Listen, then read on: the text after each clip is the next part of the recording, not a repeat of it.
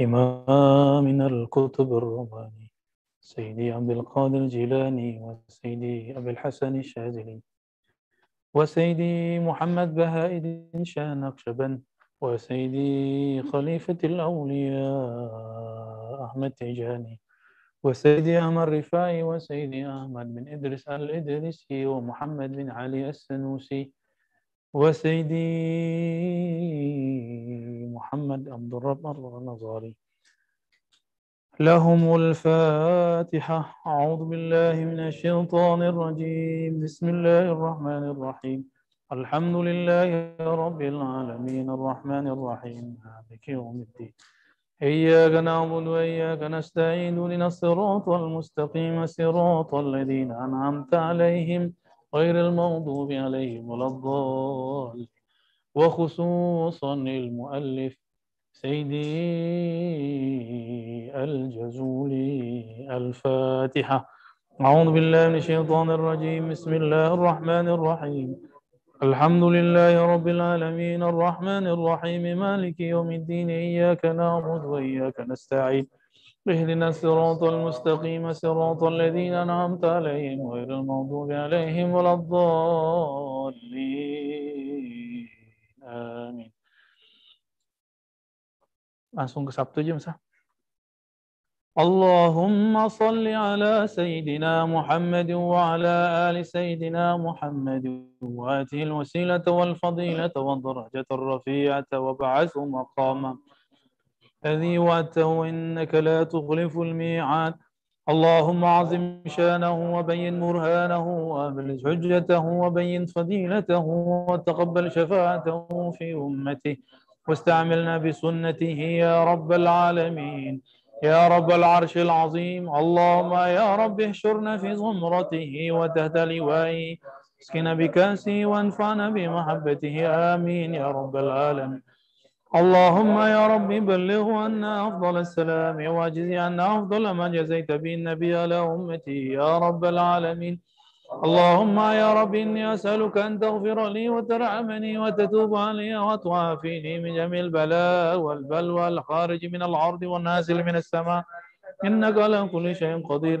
برحمتك وأن تغفر للمؤمنين والمؤمنات والمسلمين والمسلمات الأحياء منهم والأموات.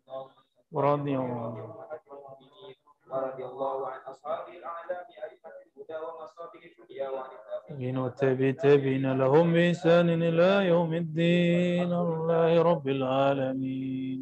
اللهم رب الأرواح والجسد البالي. أسألك بطاعة الأرواح الراجعة إلى جسدها وبطاعة الجسد الملتئمة بعروقها وبكلمتك النافذة فيهم وأخذك الحق منهم والخلائق بين يديك ينتظرون فصل قضائك. ويرجون رحمتك ويخافون عقابك أن تجعل النور في بصري. وذكرك بالليل والنهار على لساني. وعملا صالحا فارزقني. اللهم صل على سيدنا محمد كما صليت على سيدنا إبراهيم وبارك على سيدنا محمد كما باركت على سيدنا إبراهيم.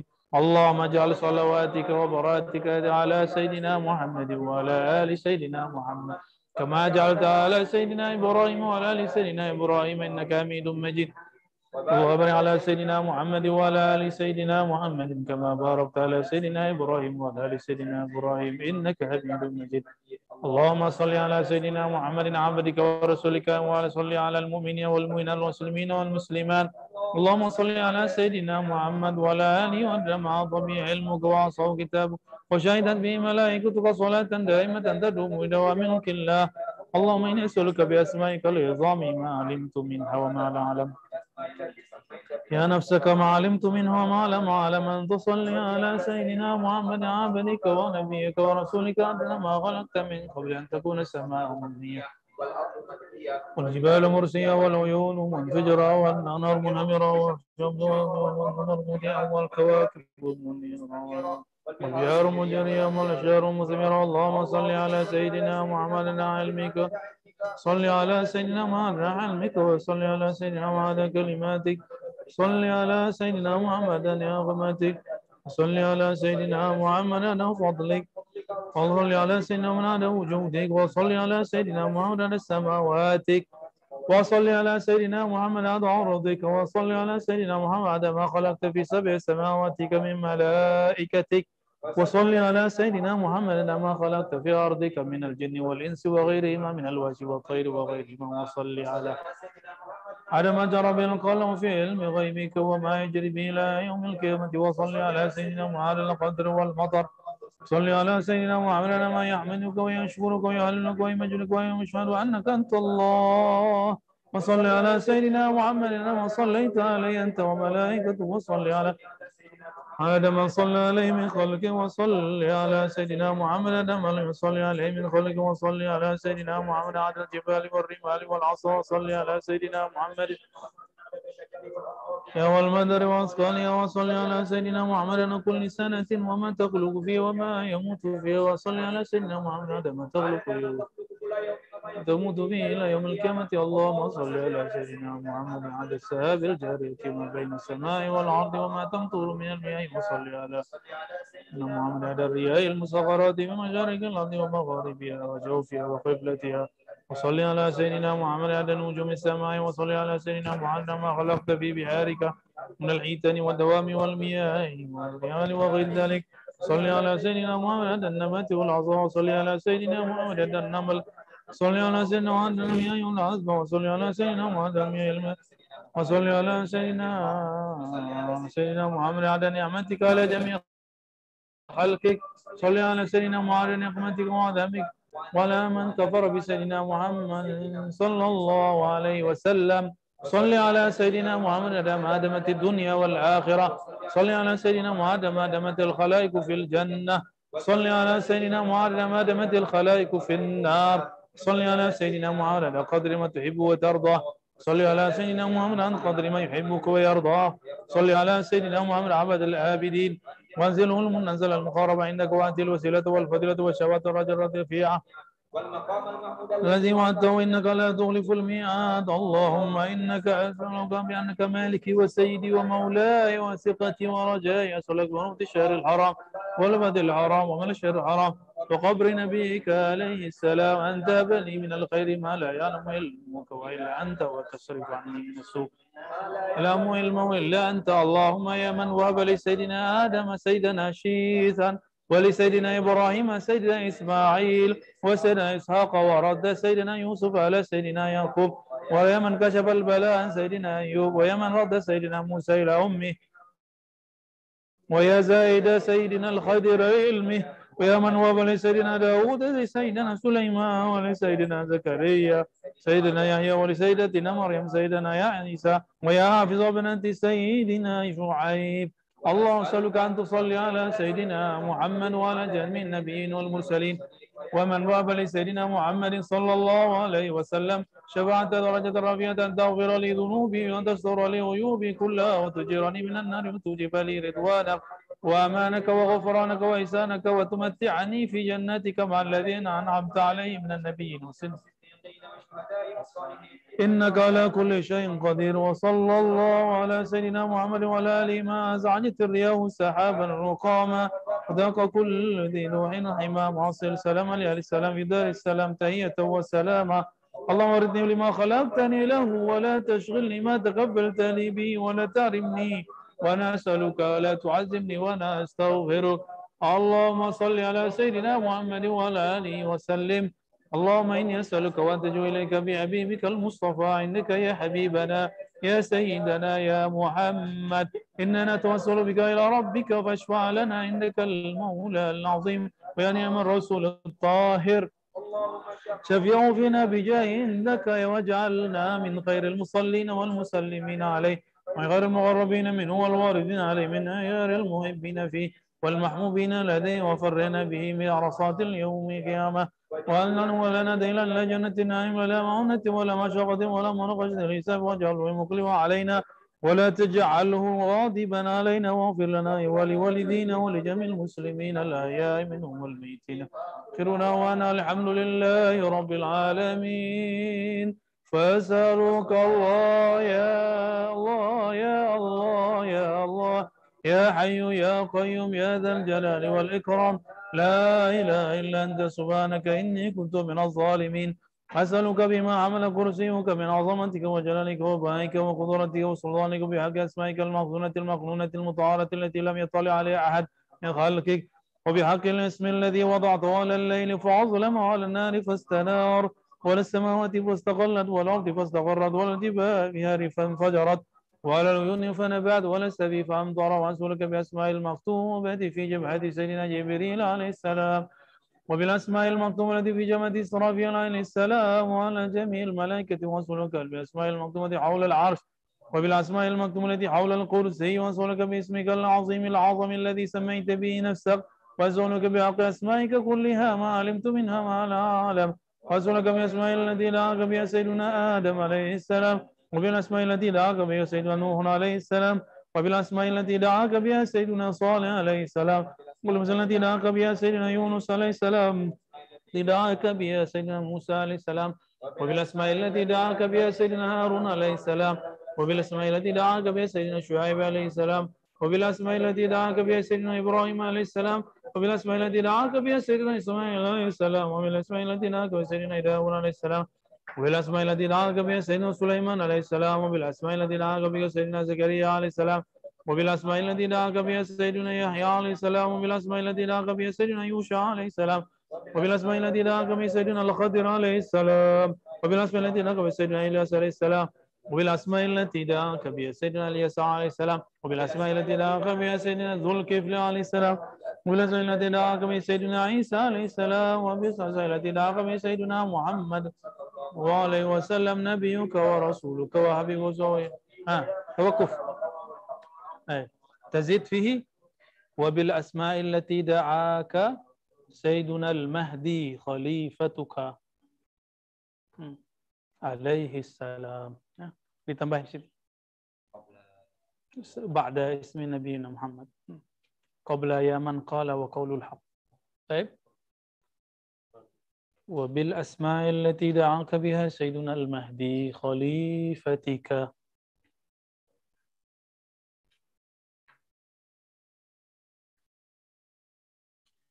خلاص؟ نكرر من اسم نبينا محمد. وبالأسماء التي دعاك بها سيدنا محمد صلى الله عليه وسلم نبيك ورسولك وحبيبك وصفيك. وبالأسماء التي دعاك بها سيدنا المهدي عليه الله يا من قال وقوله الحق والله خلقكم وما تعلمون ولا يصدر عن عبد من عبيده قول ولا فعل ولا حركة. سكون إلا وقد سبق في علمي وقضائي وقدري كيف يكون وكما علمتني وقضيت لي بجمع هي في الطريق والأسباب ونفيت عن قبيل ما شق كما غلبته وعندي له بجميع الأقرباء أسألك يا الله يا الله يا الله أن ترزقني وكل من أحبه. وتبعه شفاعته مرافقته يوم الحساب. من غير مناقشة ولا عذاب ولا عتاب وأن تغفر لي ذنوبي وهو أبواب يا غفار أنت عن عملي بالنظر إلى وجهك الكريم في جملة الأبواب يوم المزيد والسبب. وأن تتقبل مني عملي وأن تعفو مما أضاع علمك به من خطيئتي ونسياني وزلالي. أن تبلغني من زيارة قبري وسلم علي وعلى صحبه والفهم وإنك وفضلك وجودك وكرمك يا رؤوف يا رحيم. وأن تجازي عني وعن كل من آمن بي واتبعه من الأمم. ألا يا منهم والأموات أفضل ما تم وعما جزيت به آدم من خلقك. يا قوي يا عزيز يا علي اللهم بحق ما أقسمت به عليك أن تصلي على سيدنا محمد وعلى آله سيدنا محمد. ما خلقت من قبل أن تكون السماء مبنية والأرض مدحية والجبال علوية والعين منفجرة والبحار مسخرة والأنهار مهائرة والشمس مضحية والقمر مضيئة والنجم منيرة ولا يعلم حيث تكون إلا أنت. وأن تصلي عليه وعلى آله عدد كلامك وأن تصلي عليه وعلى آله عدد آيات القرآن وحروفه. وأن تصلي عليه وعلى آله عدد من يصلي عليه وأن تصلي عليه وعلى آله عدد من لم يصلي عليه. وأن تصلي عليه وعلى آله من أرضك وأن تصلي عليه وعلى عدد ما جرى به القلم في أم الكتاب. صلي عليه وعلى عدد ما خلقت به سبع سماواتك. عليه وعلى آله عدد أنت خالقه في إلى يوم القيامة في كل يوم ألف مرة وأن تصلي عليه وعلى آله على قطر المطر وكل قطرة قطرة من سمائك على أرضك من يوم خلقت الدنيا إلى يوم القيامة في كل يوم ألف مرة. استر يا سيدي رسول الله قد جاءكم رسول من أنفسكم وزن المتى ورسول عليكم. فإن دولة وقال حسبي الله لا إله إلا هو الحمد لله رب العالمين.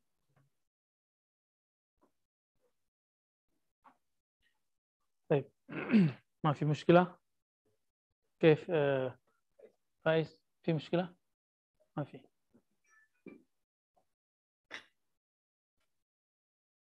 اللهم صل وسلم على سيدنا Ya, boleh, boleh diambil.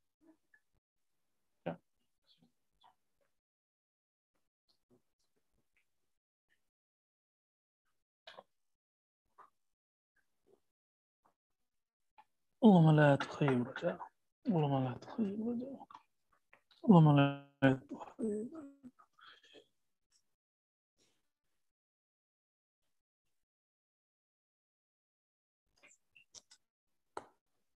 أين توقفنا؟ توقفنا في ما زلنا؟ سابع والخمسون.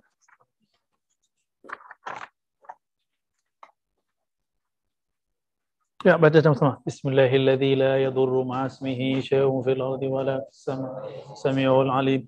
بسم الله الذي لا يضر مع اسمه شيء في الأرض ولا في السماء. السميع العليم.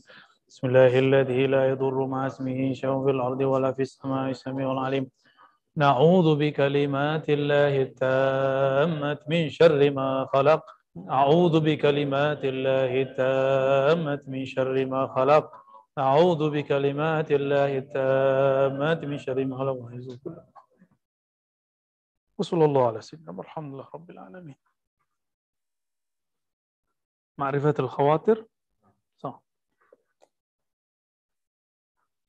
السلام عليكم ورحمة الله وبركاته.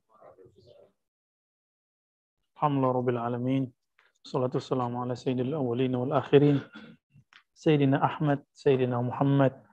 وعلى آله وأصحابه ولبيته وذريته أجمعين Baik ikhwan, akhwat fillah. Sebelumnya kita masih di bab Sabi' wal Khamsun, bab ke-57 mengenai khawatir lintasan-lintasan yang masuk ke dalam kolbu. Ya, lintasan-lintasan yang masuk ke dalam kolbu.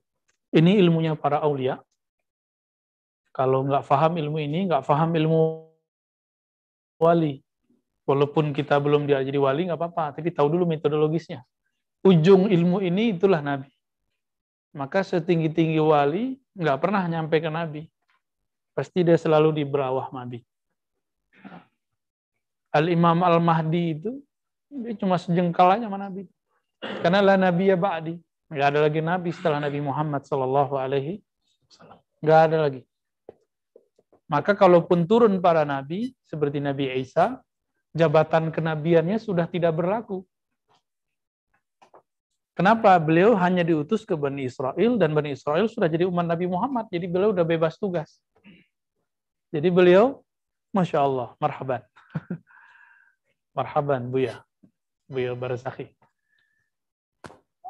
Nabiullah Khidir, Nabi, tapi jabatannya hanya sebagai wali. Jadi faham perdebatan ulama, Imam Kusyairi mengatakan Nabiullah Khidir itu wali, benar nggak? Ya, benar. Itu Imam Kusyairi. Dan dikatakan kembali oleh Sidi Ahmad Tijani. Itu nggak masalah. Jadi itu bukan sesuatu yang tanakut. Ya. Namun, Tariqah Muhammadi, Tariqah Muhammadi, Tariqah kenabian akhir zaman, tetap lewat Nabi Khidir. Walaupun dia langsung ketemu Nabi, tetap autatnya Nabi Khidir. Karena Nabiullah Khidir itu Rasul Aulia. Kepalanya para nabi, para wali. Sekarang. Maka wali-wali khos itu pasti dibimbing langsung oleh beliau. Digaidan langsung. Coba antum baca semua riwayat para wali.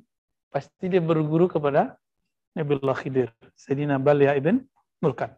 Khusus untuk beliau kita kirim Al-Fatihah.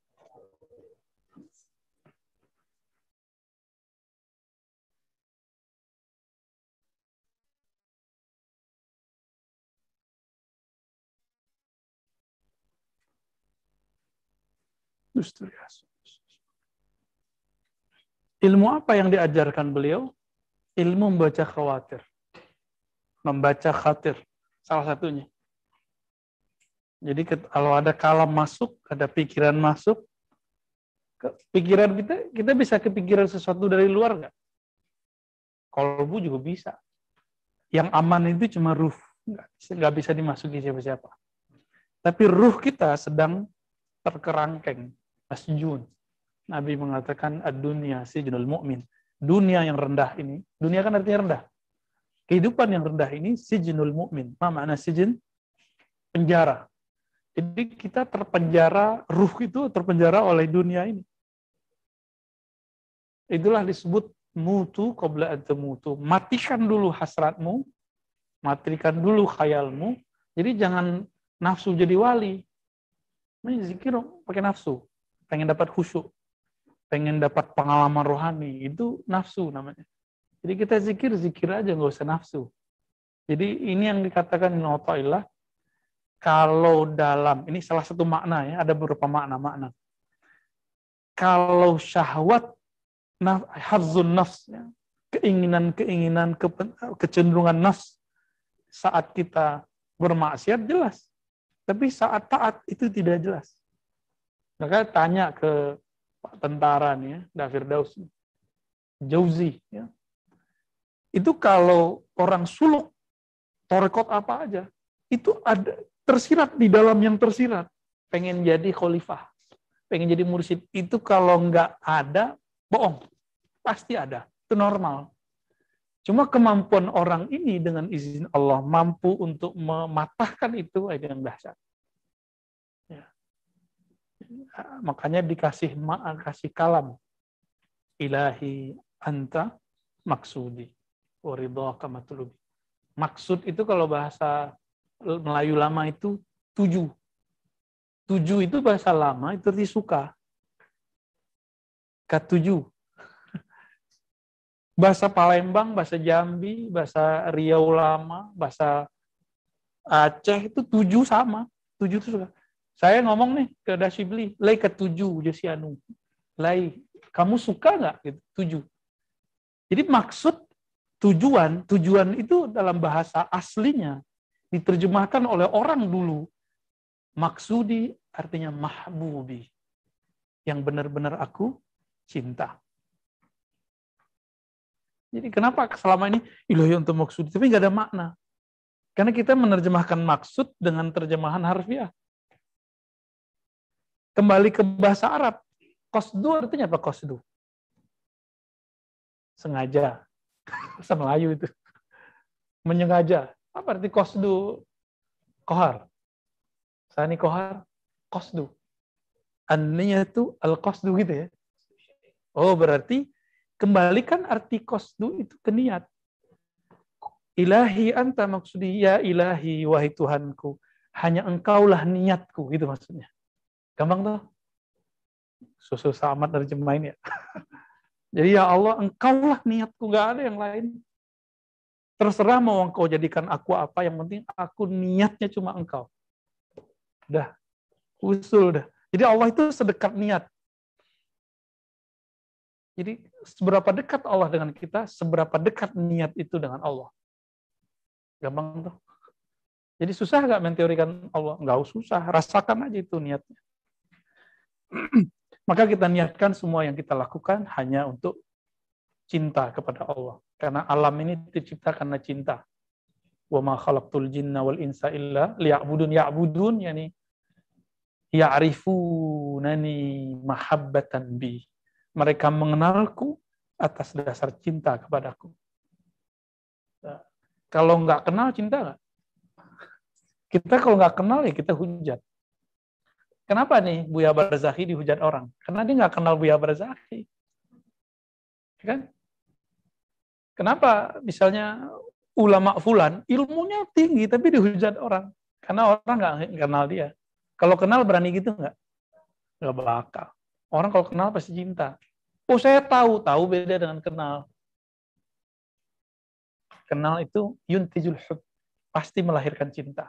Minimal respect. Kalau nggak ada respect ya sudah berarti belum kenal cuma tahu. Abu Lahab itu kenal Nabi atau tahu Nabi? Tahu tahu Nabi Muhammad atau tahu Muhammad bin Abdullah? Ya, dia cuma tahu Muhammad bin Abdullah. Oh, anaknya dulu ponakannya saya gitu. Itu yang ditahu oleh siapa? Abu Lahab. Maka dia nggak bisa terima. Masa ponakan ngajarin saya, jadi pemimpin saya. Dia nggak ngelihat Muhammad Rasulullah. Muhammad Nabiullah nggak lihat. Apalagi Muhammad Habibullah. Nggak lihat dia. Dan torikoh Allah itu torikot mahabbah. Kul in kuntum tuhibbunallah, tuhibbunallah. Iya Jadi kita ibadah jangan berdasarkan sah ben, sah batal sunnah bid'ah doang. Kaku ntar. Sah batal sunnah bid'ah. Ya boleh, itu kan zahir. Tapi kan Allah ngomongnya di surat Ali Imran, mahabbah. Kenapa kita nggak fokus di bab mahabbah? Coba di Quran ada nggak pembahasan tentang rukun sholat? Nggak ada. Yang ada cuma akimis sholat. Kata rukun itu sudah ada di akim. Yang penting di situ bukan bukan itu sebenarnya. Yang penting apa? Tuhibun itu, kamu cinta. Kalau cinta kan nggak susah nyari. Di antum itu kenapa susah? Oh, ribuan kali nggak nyampe-nyampe karena belum cinta. Nggak cinta karena nggak kenal. Itu aja ya. Baik. Halaman berapa nih Siti Musa? 270 ya? Hmm, ini yang apa? Hadis itu loh, An Abi Hurairah. Benar.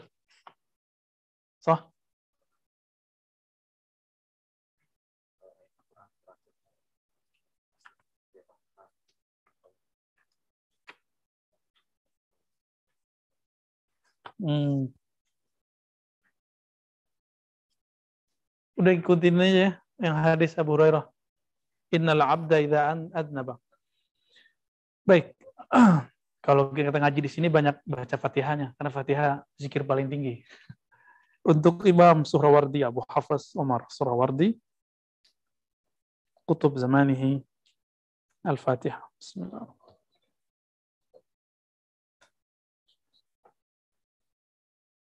ولا الضالين روي عن سيدي أبي هريرة قال أبو حفص روي عن أبي هريرة رضي الله تعالى عنه قال عن رسول الله صلى الله عليه وسلم قال إن العبد إذا أذنب apabila seorang hamba melakukan dosa nakata fi qalbihi nuktatan sauda maka akan ada titik noda hitam muncul di dalam lembaran kolbunya atau kaca kolbunya ya. Nuktah, nuktah itu noda. Kalau nuktah titik. Mirip ya? Noda sama titik mirip kan? Titik bedanya kita tulis, kita ini kalau noda dia muncul. Dosa apa itu? Zahir ataupun batin. Dosa mana yang lebih berat? Zahir apa batin? Dosa zahir plus batin. Gabung. Udah dosa-dosa zahir, putus asa. Bersisa itu kan dosanya kecil itu untuk seorang yang soleh kayak dia. Minum khamar, itu gampang sama dia kalau tobat. Bunuh orang, kan tapi iblis menyerupai seseorang datang kepada dia. Dia lagi di tiang gantung. Hei bersisa, engkau bisa aku selamatkan, tapi syaratnya satu. Jika aku lepaskan engkau, sujudlah di kakiku. Itu kata si orang itu sakti.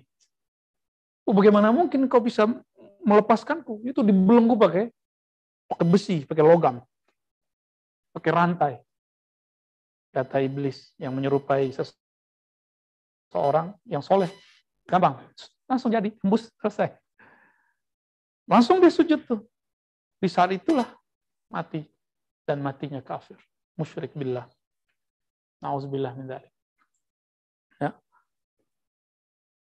Berarti si bersiswa ini Apa dosanya? Dosa zahir ditambah dosa batin. Dia putus asa kepada Allah. Orang kalau putus asa, gampang ditawar imannya. Jadi jangan pernah putus asa, mau kena covid, mau kena kepet. jangan pernah putus asa. Ini baru kena dikit, baru sakit dikit, udah putus asa. Ya, kepet itu dompetnya maksudnya. ya, ada Romi Al-Kubro. Orang biasanya gampang sekali kalau sudah kepepet. Mau dia kaya, mau dia miskin. Kalau udah kepepet gampang. Makanya mohon maaf.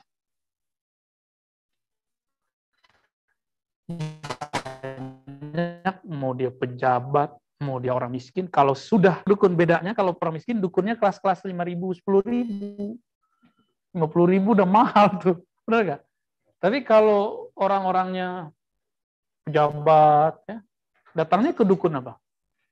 Dukun yang mundur dia sakti, maharnya gede. Ya, ya, sama aktivitasnya kan sama. Fadal, fadal. Langsung, langsung, langsung. langsung ya. Fa in naza'a wastaghfara wa taba suqila. Nah, ini kata kuncinya. Jika dia menarik diri, menarik diri berarti berhenti. Dia berhenti dari maksiatnya. Wastaghfara, lalu dia minta ampun.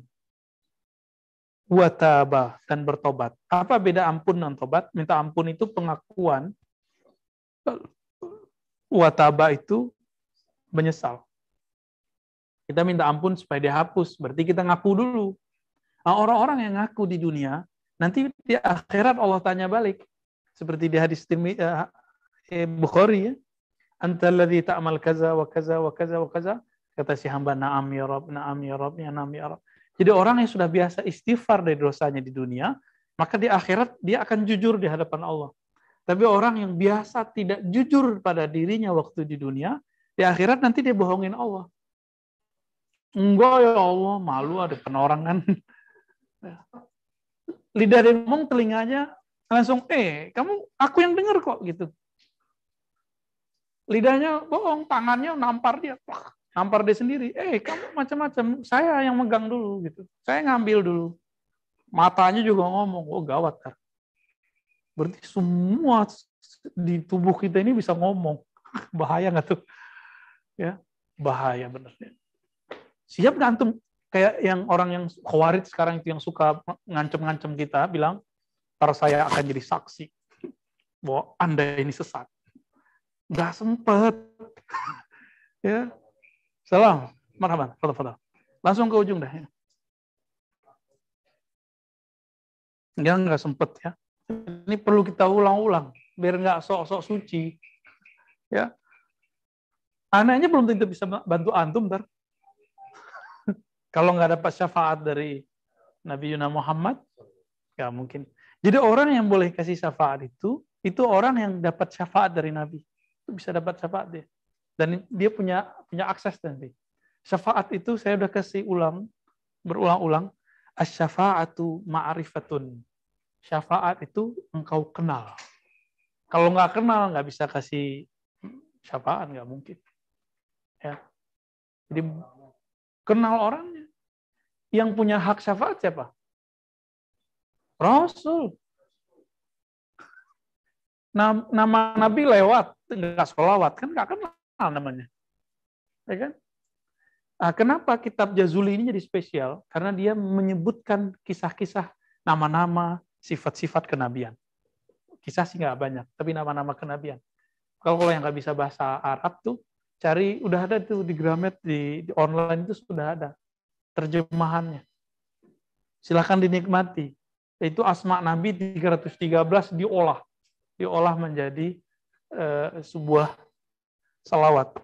Saya kalau rindu Nabi, saya baca ini aja. Baca ini. Ini udah sama kayak baca Syama'il. Bedanya sekarang antum bacanya dijadiin wirid. Kalau Syama'il dibacanya sembari ngaji. Kan beda.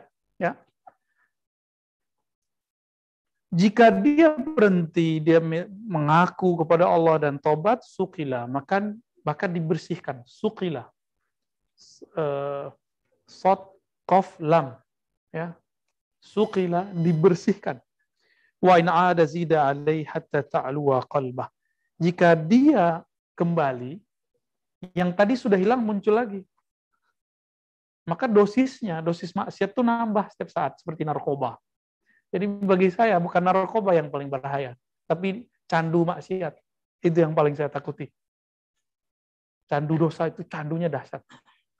Tapi nggak usah khawatir. Toat juga ada candunya tobat juga ada candunya maka candulah tobat jangan candu maksiat berarti kalau kita bisa jamin nggak besok nggak maksiat kan nggak bisa maka kita niat aku setiap hari ingin bertobat kepada Allah subhanahu wa ta'ala hatta ta'luwa qalbah. Jika dia mengulang kembali, maka nodanya bertambah, bertambah, bertambah. Hatta ta'luwa, sehingga menutupi kolbunya. Di situlah kolbu tidak bisa membaca khatir. Jadi kapan khatir tidak bisa dibaca, tidak bisa diketahui? Ya. Yang paling bahaya itu bukan dosa fisik, dosa batin. Kiber, Nih, kita ulang-ulang karena ini dosa lama, dosa setan, dosa iblis. Kibrun, kibrun ini kata kaburo ya, ya buru. Apa artinya? Merasa diri besar. Ini mohon maaf, saya tinggi duduk di sini ini karena protes eh, akhwat ini, karena nggak bisa lihat. Hasilnya saya suka di bawah. Ya, bukan saya lebih baik dari antum tidak. Ini karena menghormati akhwat yang datang aja nih. Ya, makanya. Kalau aneh kan maunya di bawah aja. Jadi saya duduk di sini, saya pun harus menghantam itu bahwa saya tidak boleh merasa lebih pintar dari antum. Sekali terbersit itu udah saya pun binasa.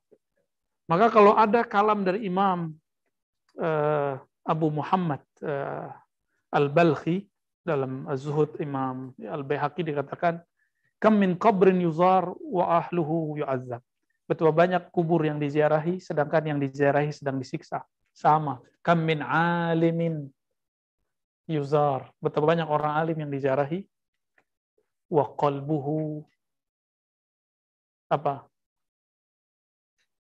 Wa, wa fi qalbihi nuktatun sauda. Di kolbunya ada nuktah. Tambah jamaah, tambah sombong. Tambah jamaah, tambah sombong. Tambah jamaah, tambah sombong. Tambah ilmu, tambah sombong. Jadi sombong itu kalau nggak dibenerin dari awal, nggak ditobatkan dari awal, tambah ilmu, tambah besar dia tambah jamaah, tambah besar.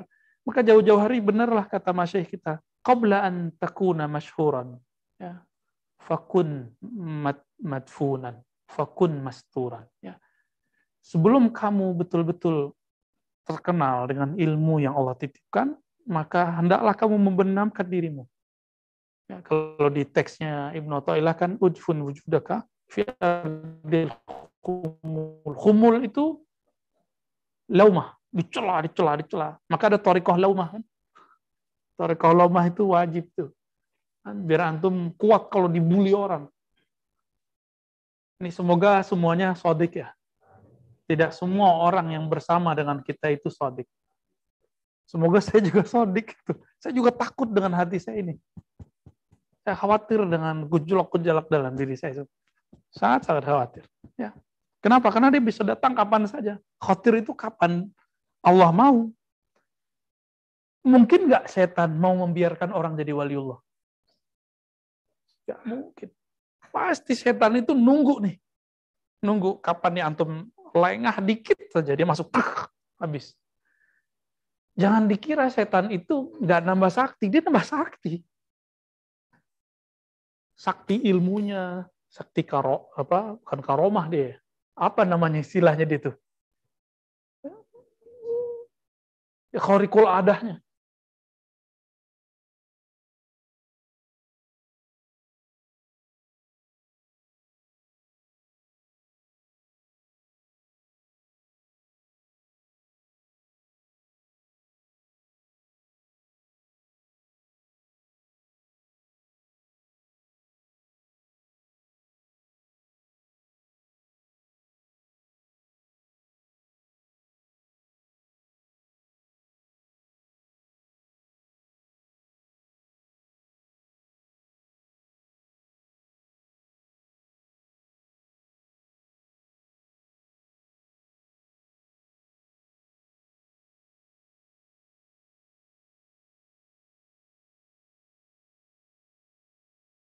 Surga sudah ribuan tahun hitungan bumi.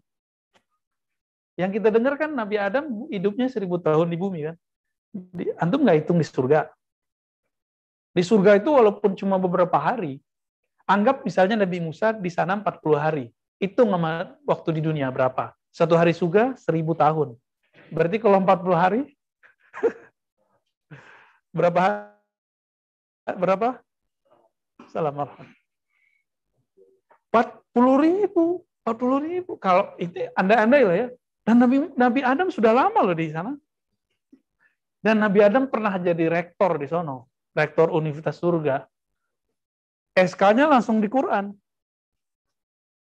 Wahai Adam, ambihum bi asma'ihim. Wahai Adam, tolong ajarkan mereka para malaikat. Enggak terima. Iblis, waktu itu dia masih malaikat loh ya. Pangkat dia, jadi jubah dia jubah malaikat, tapi di dalamnya nur. Nar. Dia pakai jubah nur, tapi di dalamnya nar. Apa hebatnya Azazil? Azazil itu bisa zikir melebihi zikirnya para malaikat. Para malaikat. Malaikat itu kan satu zikir, satu malaikat cuma subhanallah. Malaikat yang lain alhamdulillah. Malaikat yang lain Allah Akbar. Ada malaikat la ilaha illallah. Ada malaikat la haula Ada malaikat subhanal khallaq razzaq, subhanal zil izzati wal jabarut. Jadi Nabi waktu naik, Nabi dengar. Itu dikumpulkan oleh Imam Al-Hafiz At-Tabarani, Abdul Qasim At-Tabarani, beliau nulis kitab judulnya Ad-Du'a. Ada yang punya nggak? Buya asli jual nggak? Ad-Du'a, coba baca itu nanti ada tasbih-tasbih. Jadi Nabi setiap kali naik ke atas, naik itu itu namanya koneksi Nabi dengan malaikat. Nabi mendengarkan tasbih-tasbih malaikat. Jadi satu malaikat zikirnya satu doang. Subhanallah, zil izzati wal jabarut. Subhana, subhana, semuanya rata-rata subhana, rata-rata. Kalau ada yang megang la Allah itu spesial. Ada yang megang la haula itu spesial. Iblis namanya dulu Azazil, dia bisa semuanya.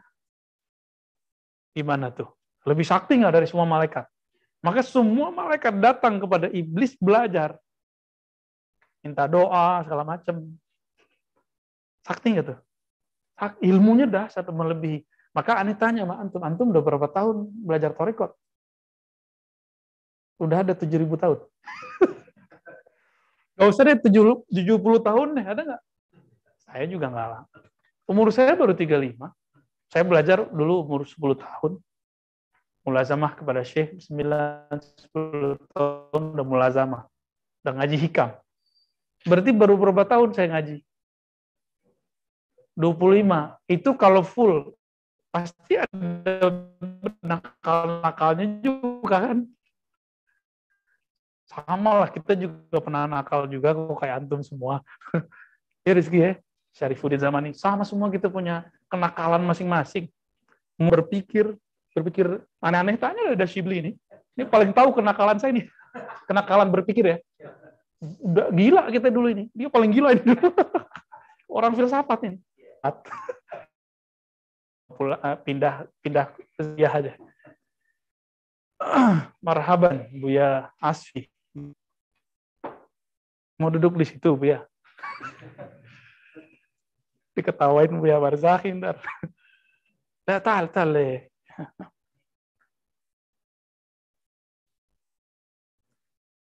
Nggak ada kan yang lebih lama daripada iblis dari Azazil mengamalkan suluk zikir. Nggak ada kan? Nggak ada. Maka kita kasih tahu nih dari awal. Sehebat apa pun antum zikir, Walaupun setan itu nggak berani masuk kepada kolbu yang berzikir, tapi emang kolbu bisa selalu zikir. Kan enggak. Yang selalu musyahadah itu cuma ruh. Cuma ruh.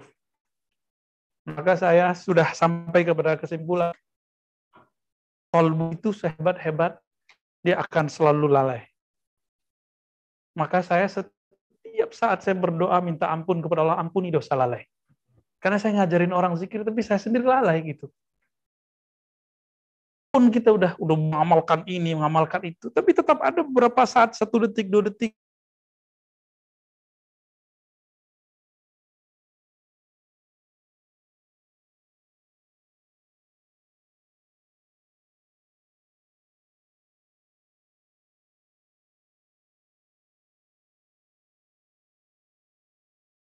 itulah gunanya la haula wala.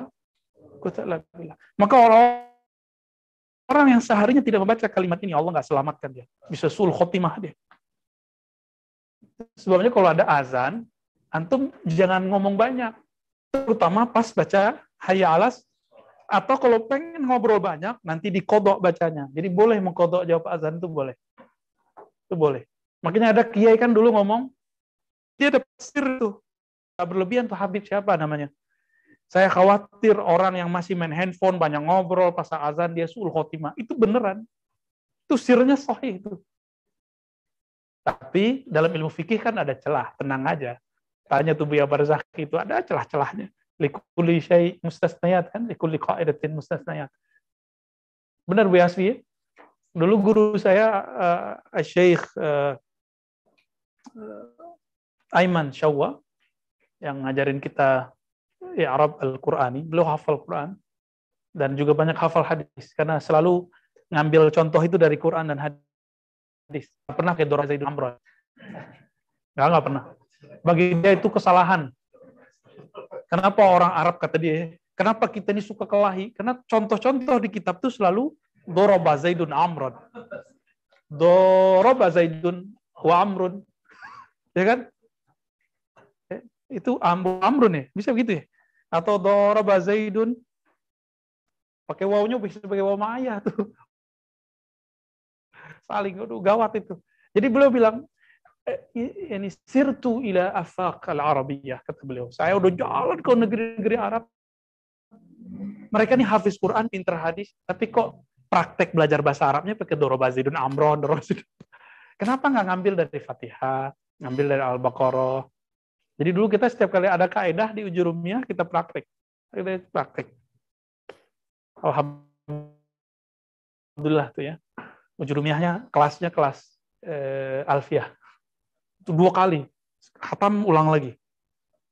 Dan saya adalah santri beliau paling bodoh, mahasiswa beliau paling bodoh. Tapi jadi guru antum gimana ceritanya tuh.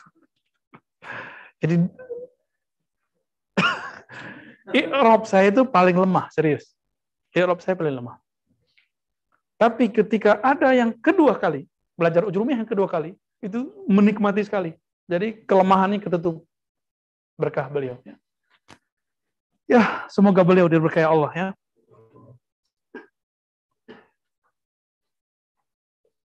Jadi kapan kolbu tidak bisa menangkap khatir? Ini dari siapa? Kalau kolbunya tertutup, nuktah. Ya. Nuktah yang paling bahaya itu ghaflah, lalai. Jadi cara nutup kelalaian itu, bacalah pagi sore, la haula wala quwata illa bila udah. Pagi sore, kalau bisa 100.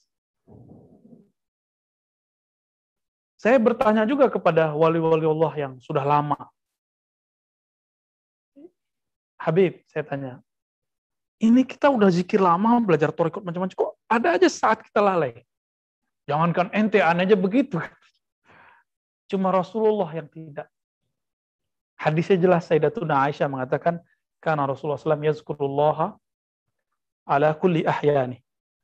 Ahyan di situ, itu ahyanur ruhiyah. Rasulullah selalu mengingat Allah di setiap detik, setiap saat.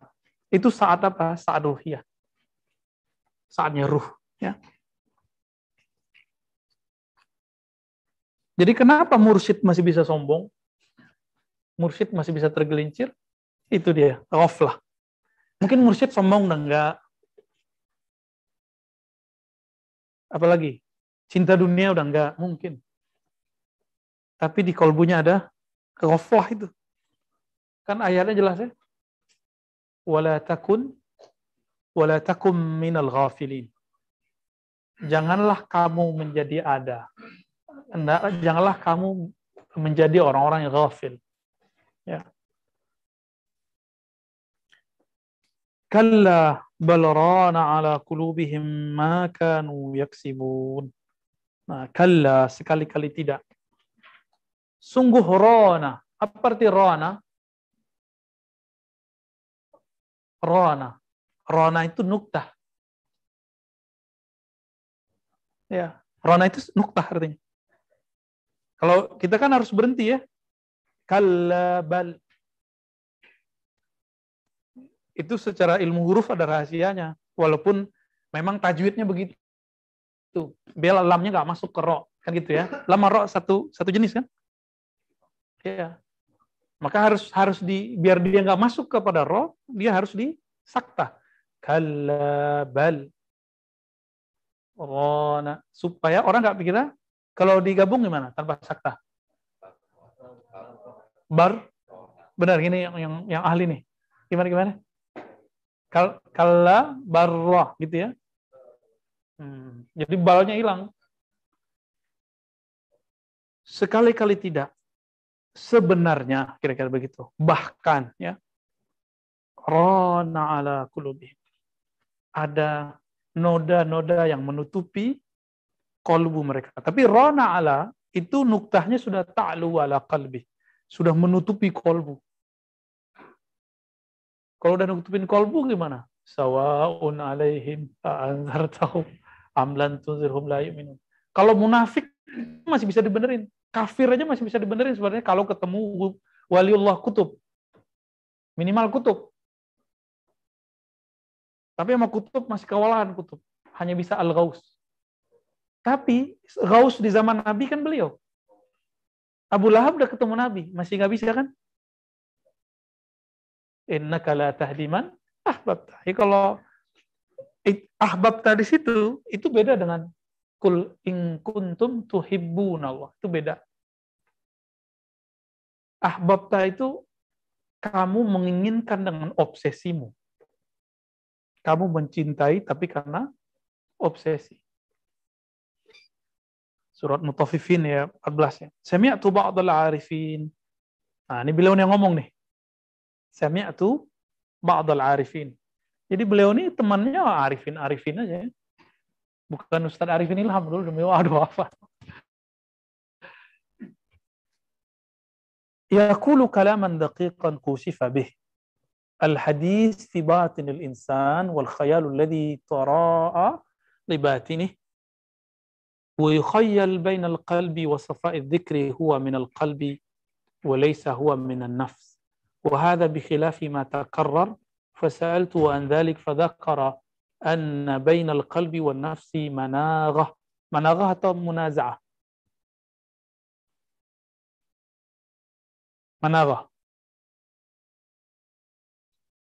Managha. Managha ya. ومحادثات وتألفا وتوددا وكل ما انطلقت النفس في شيء بهواها من القول والفعل تأثر القلب بذلك وتكدر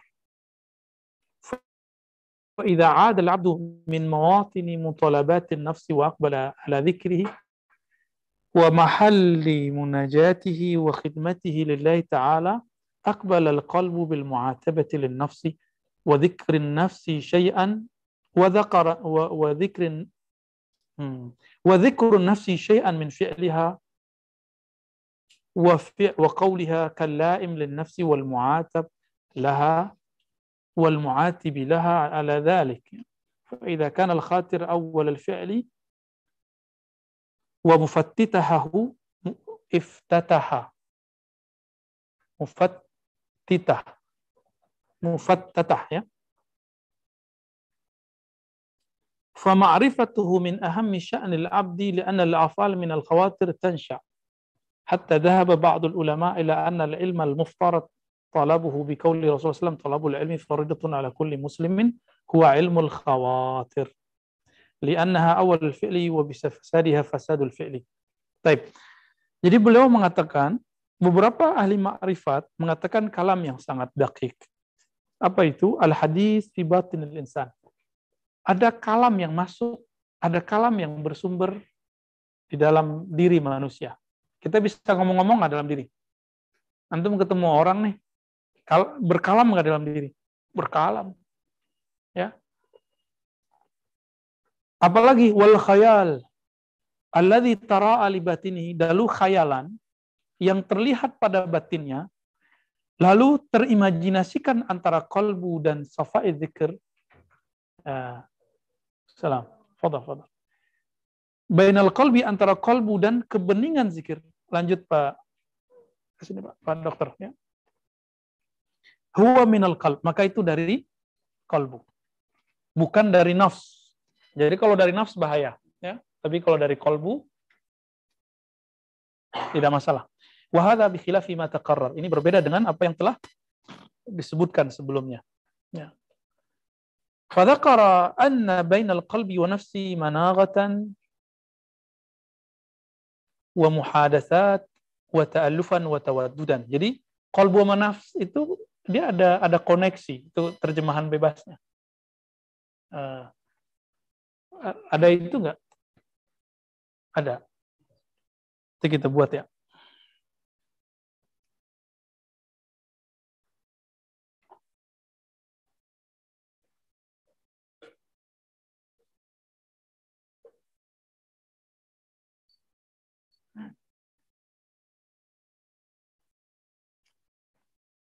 Ini teksnya terlalu panjang, mau terjemahin atau ribet. Ya, tapi syukuran. Jazakallah. Tani kohar. Oke, coba dilihat sini.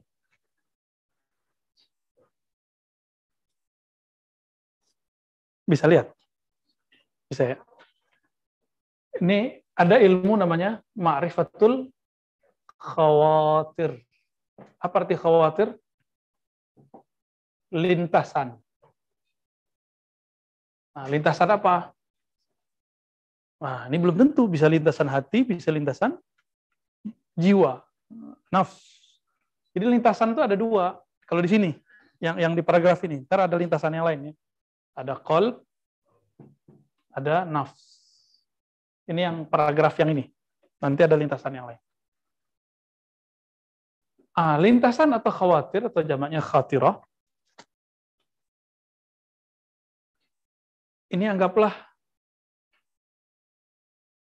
jiwa. Dalam jiwa itu ada kolbu, gitu ya. Ah, di sini ada wilayah. Ini wilayah nih. Wilayah dialog antara nafs dengan kolbu. Ini kolbu, ini nafs. Ini wilayahnya.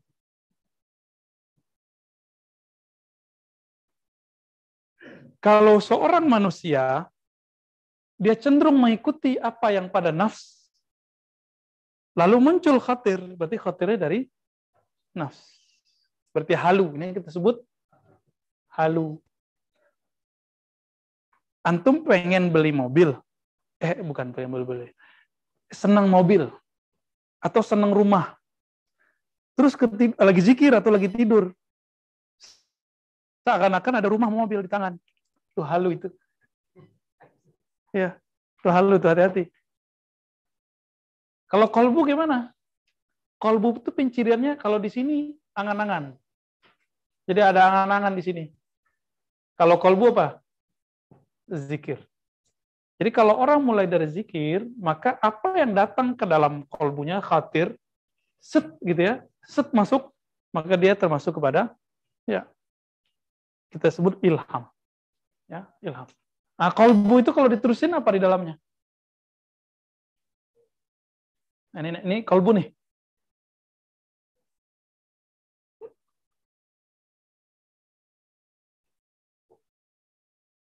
Ini kolbu. Dalamnya apa? Dalam kolbu. Fuad. Dalam fuad ada apa? Lub. Nah, sir. Sir itu isinya cuma ma'rifatullah. Si kolbu mainannya nama. Ini yang kita bahas di rumah. Nama dan sifat. Maka orang zikir itu pasti di di kolbu. Tapi ini masih bisa dikenain nggak? Uh, setan bisa masuk ke situ. Tapi kalau antum zikir, tobatnya benar sebelum masuk, ini dia nggak bisa masuk ke sini. Nih. Nah, fuad ini, ini kita menghukumi sesuatu. Kita berasumsi sesuatu. Nah, si fuad ini dapat kena hisap. Tapi Allah yang hisap, bukan malaikat. Di sini. Sedangkan lub ada kan ayatnya ulaika apa? Ulul albab ya ada ya. Ulul albab. Albab jamak dari lub. Apa kerjaan ulul albab? Dua aja. Tafakkur, tazakkur. Tafakkur. Tafakkur itu Kalau mikirin zat nggak boleh. Tapi kalau kenal zat boleh nggak? Beda nggak? Antum sholat bayangin Allah di langit. Itu mikirin zat namanya. Itu nggak boleh.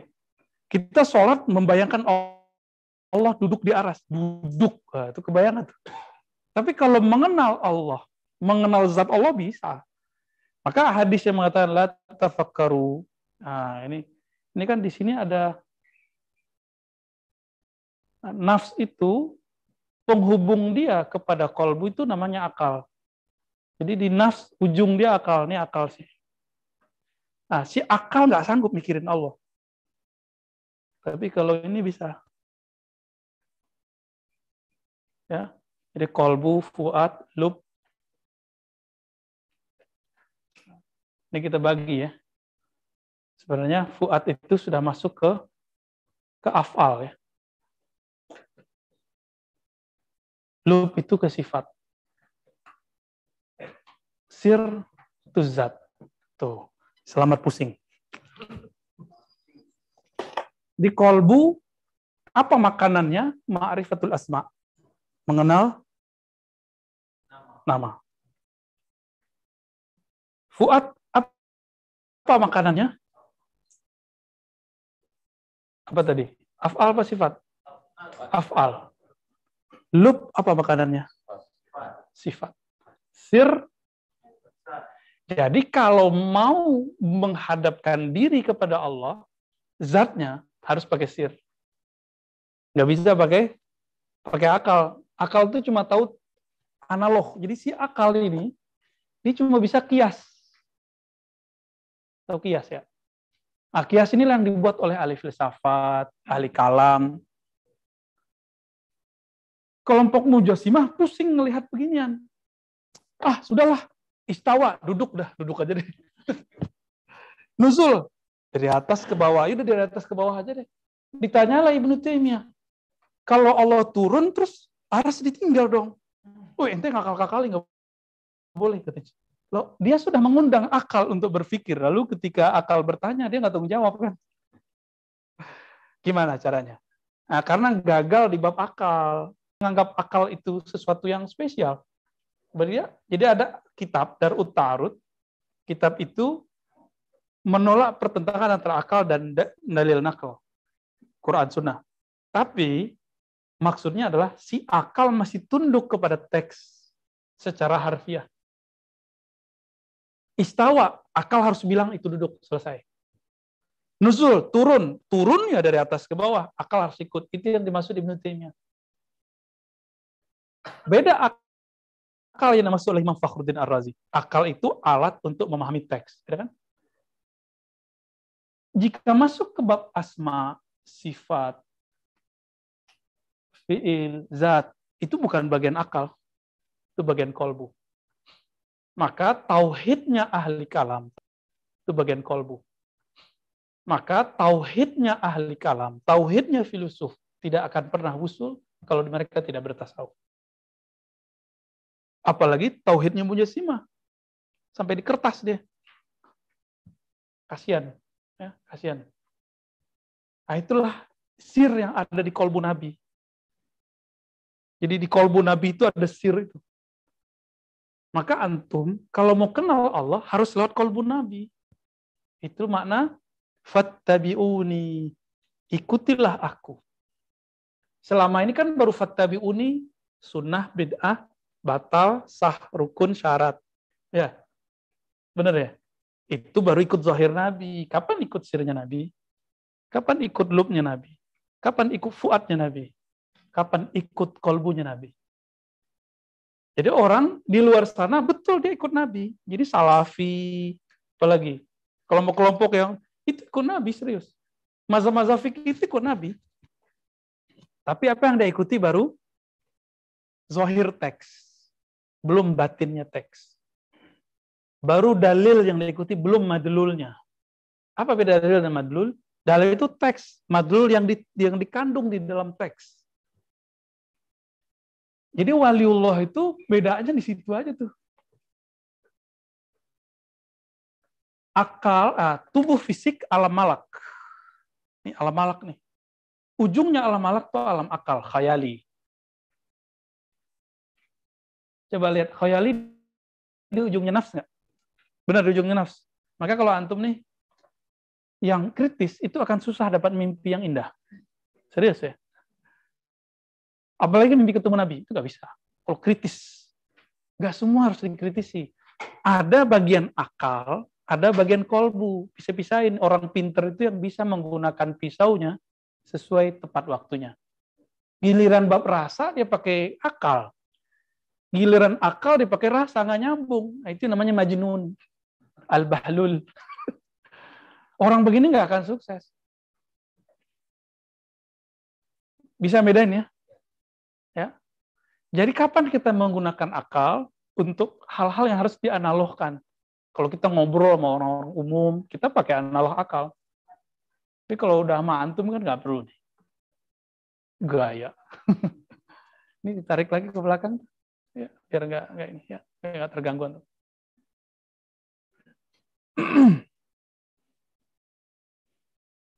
Salam warahmatullah. Fadal, fadal. Jadi ketika ada hadis talabul ilmi faridatun ala kulli muslim. Menuntut ilmu wajib atas setiap muslim. Kan riwayat yang sahihnya segitu. Di Tobroni itu, di Ilami itu ada tambahan wa muslimatin. Ya, itu yang dipakai oleh Imam uh, Ghazali. Jadi Imam Ghazali itu bacaannya Musnad Firdaus Adilami. Dan beliau hafal. Jadi hafalan Imam Ghazali itu banyak, bukan hanya Sunan Abu Daud seperti yang saya katakan kemarin. Tapi beliau juga hafal Musnad Al-Firdaus. Ya, udah Firdaus. Terus beliau banyak menghafal kitab Ajiza Ibnu Abi Dunya, kitab hadis. Cuma beliau tidak mengerti seperti mengerti Ibnu Jauzi, Ibnu Riwayat. Maka beliau nukil-nukil aja. Jadi nggak ada satupun riwayat dalam kitab Imam Ghazali kecuali ada sumbernya. Masalahnya sumbernya ini ada yang sahih, ada yang tidak sahih ya. Jadi kalau sekarang ada ustadz tuh ya belagu amat, dia ngapain dia pakai motor dia kayaknya, ya motor gede itu. Orang baru ilmu S1 berani ngantem Ghazali coba. Ghazali itu gurunya para masyaikh. Mustasfa itu ditulis nggak perlu ngelihat Mahroji, beliau nulis Mustafa itu gini aja tuh, Bang Ghazali. Karena beliau menghafal tiga kitab usul fikih sebelumnya, Mu'tamad Al-Imat, apal semua tuh beliau. Tiba-tiba dia bilang apa? Ah, Ghazali. Geh. Kalau masih gitek, gergetan kita sama orang begitu. Nggak tahu haknya. Orang itu nggak ada yang sempurna. Ya dia coba sebutin satu hadis ke dia, dia kalau tahu ininya kualitasnya. Jadi antum baru boleh ngeritik Ghazali, ini aneh kasih tahu ya.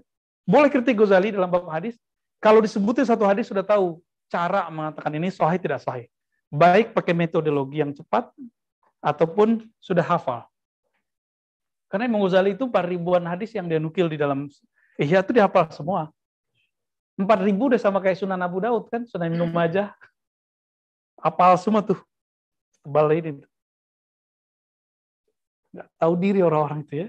ya mereka apa ya? jadi benarlah kata Nabi tidak terjadi kiamat sampai orang yang belakangan akan mencaci orang yang awal nah, itu terjadi tuh ya. Nauzubillah Nah, kembali ke sini, talabul ilmi fardhatun ala kulli muslim ya, menuntut ilmu fardu bagi setiap muslim. Kenapa? ilmu yang dimaksud ilmu khawatir? Ilmu khawatir ini ilmu tasawuf ya, ilmu zikir ilmu berkoneksi dengan diri sendiri. Ya dimulai dengan talqin zikir lah sebenarnya.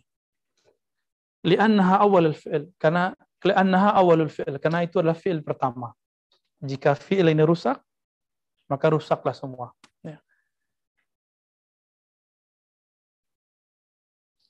ya paragraf berikut Nah, paragraf yang berikut ini sudah saya baca uh, nukilannya kemarin ya. Kita loncat berarti.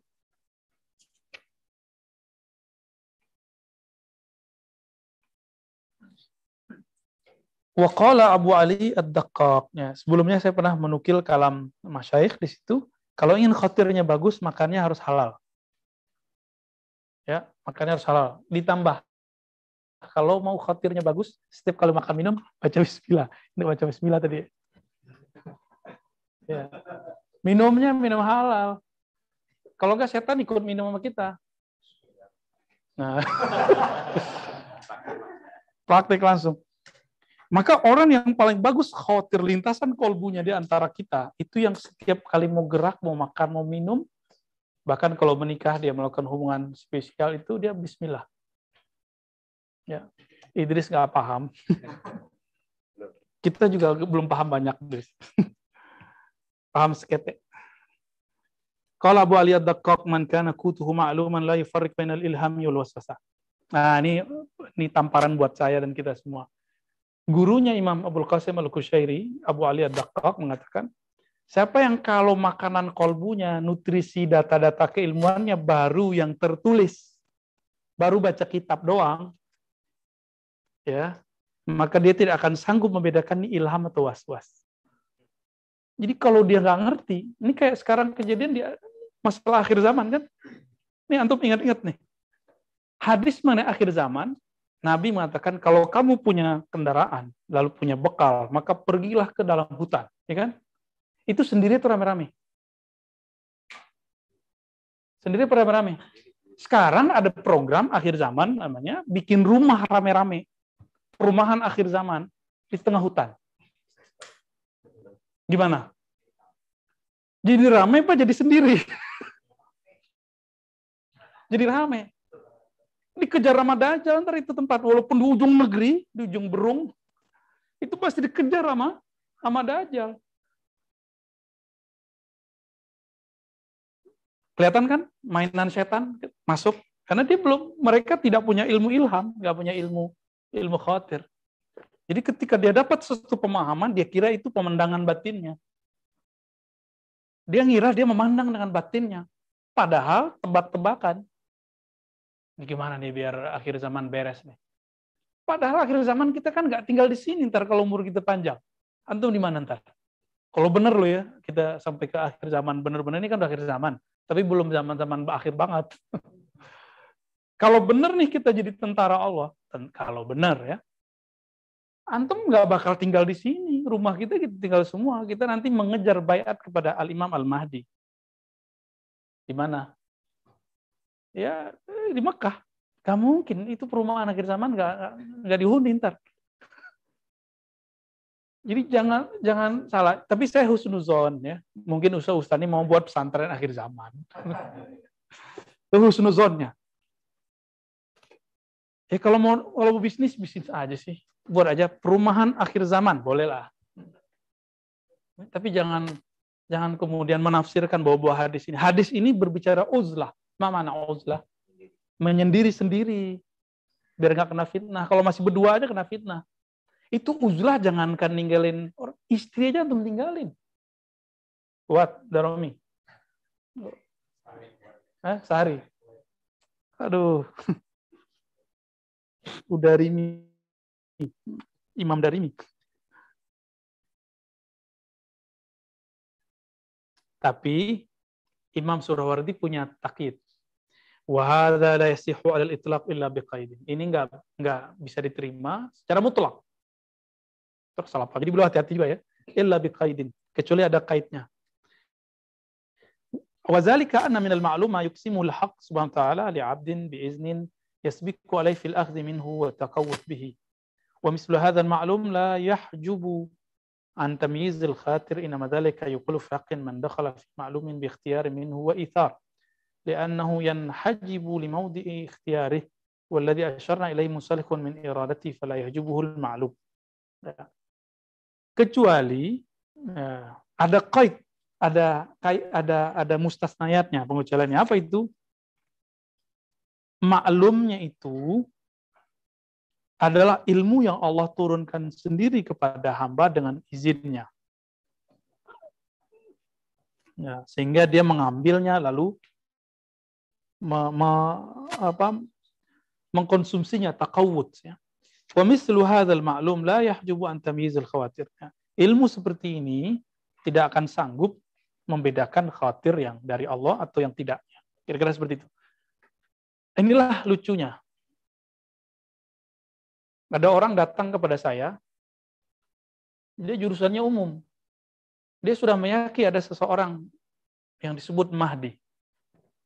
Dia umum nih, bukan ulama. Dia bilang, saya bukan ulama. Saya nggak ngerti baca kitab, nggak ngerti Al-Quran dan Sunnah secara harfiah. Hadisnya nggak bisa nerjemahin. Dia bawalah beberapa modul kepada saya. Bahwa orang yang dia katakan Al-Mahdi itu, ini mimpi-mimpinya. Kalau Ustadz tidak paham, tanya saya. Dia bilang gitu. Kebalik gak? Ya, dia umum. Saya alhamdulillah pernah belajar ilmu takbir mimpi. Alhamdulillah. Dia nggak pernah belajar, dia pakai takbir mimpi orang. Terus dia bilang, ini mimpi udah ditakbir. Kalau Ustadz tidak paham, ragu, tanya saya. Saya yang jurusan umum itu. Gimana menurut? Bukan saya merasa lebih alim dari dia, tapi kan dia kalau dua ngaku bahwa dia bukan ahli agama. Ya kan? Gimana? Jadi orang kayak gitu gimana tuh? Dia ngaku tidak ber, tidak ahli agama, tapi orang ahli agama dia dibilangin apa?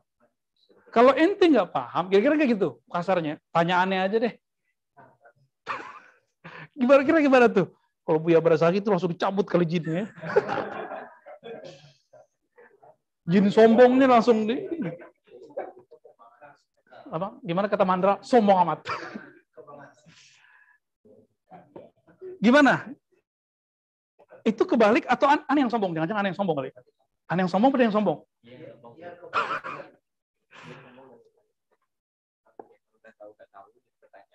Kalau dia emang nggak ahli agama, seharusnya nanyanya gini, Ustadz, saya bukan ahli agama, tapi saya meyakini seseorang ini ada calon Mahdi nih.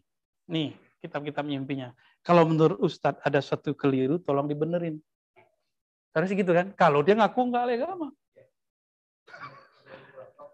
Saya ketemu sama jemaah tabligh, itu mereka begitu loh. Yang benar ya, jemaah tabligh yang benar, bukan yang lagi jos terus eh, lupa di depan dia siapa. Kalau yang benar tuh gitu. Kalau ketemu kita nggak nggak, ayo Ustaz kita huruf tiga hari nggak. Dia malah minta doa. Ustaz kami sedang huruf, mohon doanya. Cara ngajak hurufnya pela, uh, lembut. Kalau Ustaz ada waktu, silakan kunjungi kami. Kan enak tuh. Pasti mau kita. Tapi Ustaz, antum ini dai.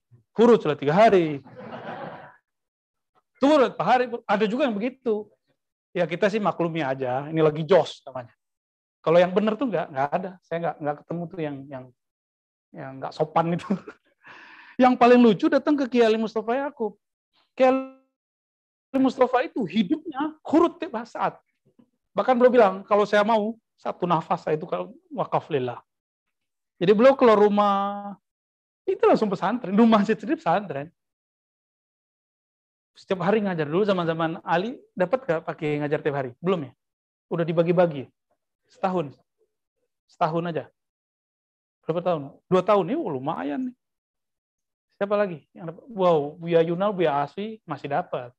Ya. Pakai cadar dia. tarik, tarik. Ya, kita kira siapa dari tadi kan? Itu beliau setiap hari kurus.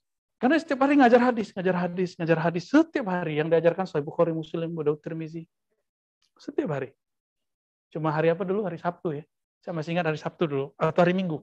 Hari Minggu masih ya? Hari Minggu kita dulu libur ya. Terus didatangi oleh seorang yang lagi jos nih. Jurusannya umum juga IT. Saya lupa orangnya namanya siapa, tapi saya ingat mereka. Apa kata dia, Pak Kiai? Pak Kiai ini ulama besar. Huruf lah, makin tahu. Beliau sambil ketawa, sambil senyum bilang, Uh, saya urut setiap hari, nak. saya tidur kurus. beliau itu dulu gaji gaji dosen tiap hari, dapat tiap bulan tuh dari beliau. Ustadz dari sunat kan tingkatan S1 ya. Kan tuh mahasiswa semua tuh. Itu beliau gaji itu dulu. Sampai kemudian beliau pensiun, baru nggak kuat langsung bilang saya udah pensiun kalian aja yang urus 17 tahun lebih kurang. Dari kocek. Bahkan bangun gendung itu banyakkan duit beliau. Kurang urus apa coba. Gak bisa tidur beliau bikin itu. Dari rambutnya hitam sampai rambutnya putih. kita jadi saksi. Ya, semoga beliau ditempatkan tempat yang diridhoinya. Amin ya rabbal alamin. Al-Fatihah. Bismillah. Warahmatullahi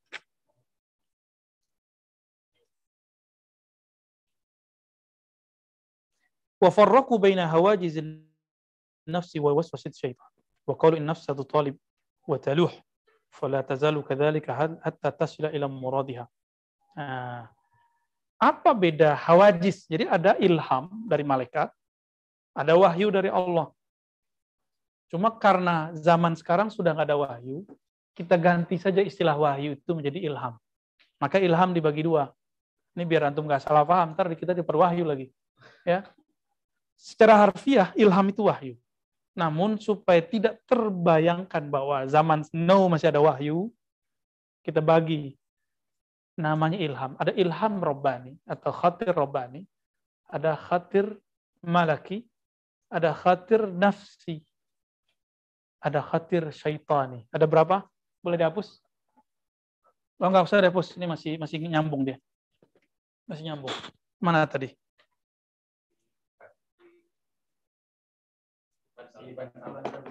Ya salam. Ini sama kayak orang cari kacamata ini. Jadi kalau dia masuk ke nafs, masuk ke akal dan nafs,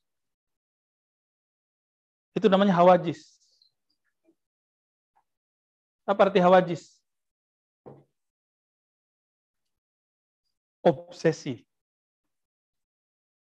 Jadi di zikir itu jangan pakai obsesi, zikir itu pakai pakai kolbu kalau bisa. Kalau masuk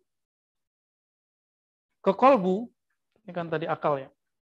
Kolbu, nah, ini sudah disebut khawatir atau khawatir. Nah, tinggal dilihat kedalamannya berapa. Kedalamannya berapa. Kalau kedalamannya sampai ke fuad, lub dan ya, berarti ini sudah ini sudah masuk ke bab ilahiyah ini. Kalau sini ini masih diperebutkan. Jadi di kolbu itu khotir masih berebut. Jika dia lalai sejenak saja, itu kemasukan setan. Maka antum nangis nih bener nih lagi zikir nangis. Terus lupa setan masuk. Kamu suci ya bisa nangis gitu. Benar nggak? Benar nggak? Benar.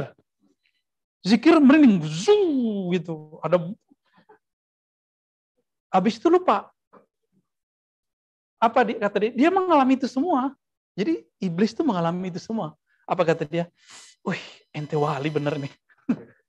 Kolbumu halus. Gitu. Dia ngomong begitu, hati-hati. Langsung aja tawuz. Bener-bener cepet.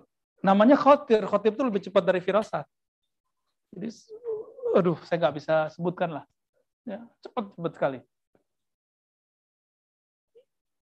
Jadi kalau di kolbu masih mungkin kemasukan setan. Tapi kalau ada masuk ke dalam fuad, ya. Nah, kalau fuadnya rusak karena kolbu nggak bisa. Terus nah, di fuad ini iblisnya udah jenderal tiga tuh. Jenderal bintang tiga dia, baru bisa masuk dia. Kalau nggak nggak bisa masuk deh. Jadi yang sudah pernah membaca, jadi dia itu duduk begini, dia sudah tahu isi fuadnya antum. Tuh dia bisa nembus. Jadi nggak semuanya. Jadi nah, orang-orang sesakti itu ada dan dia kakinya bisa dua, bisa wali setan, bisa wali. Jadi orang yang tahu isi hati kita belum tentu dia wali. Ya.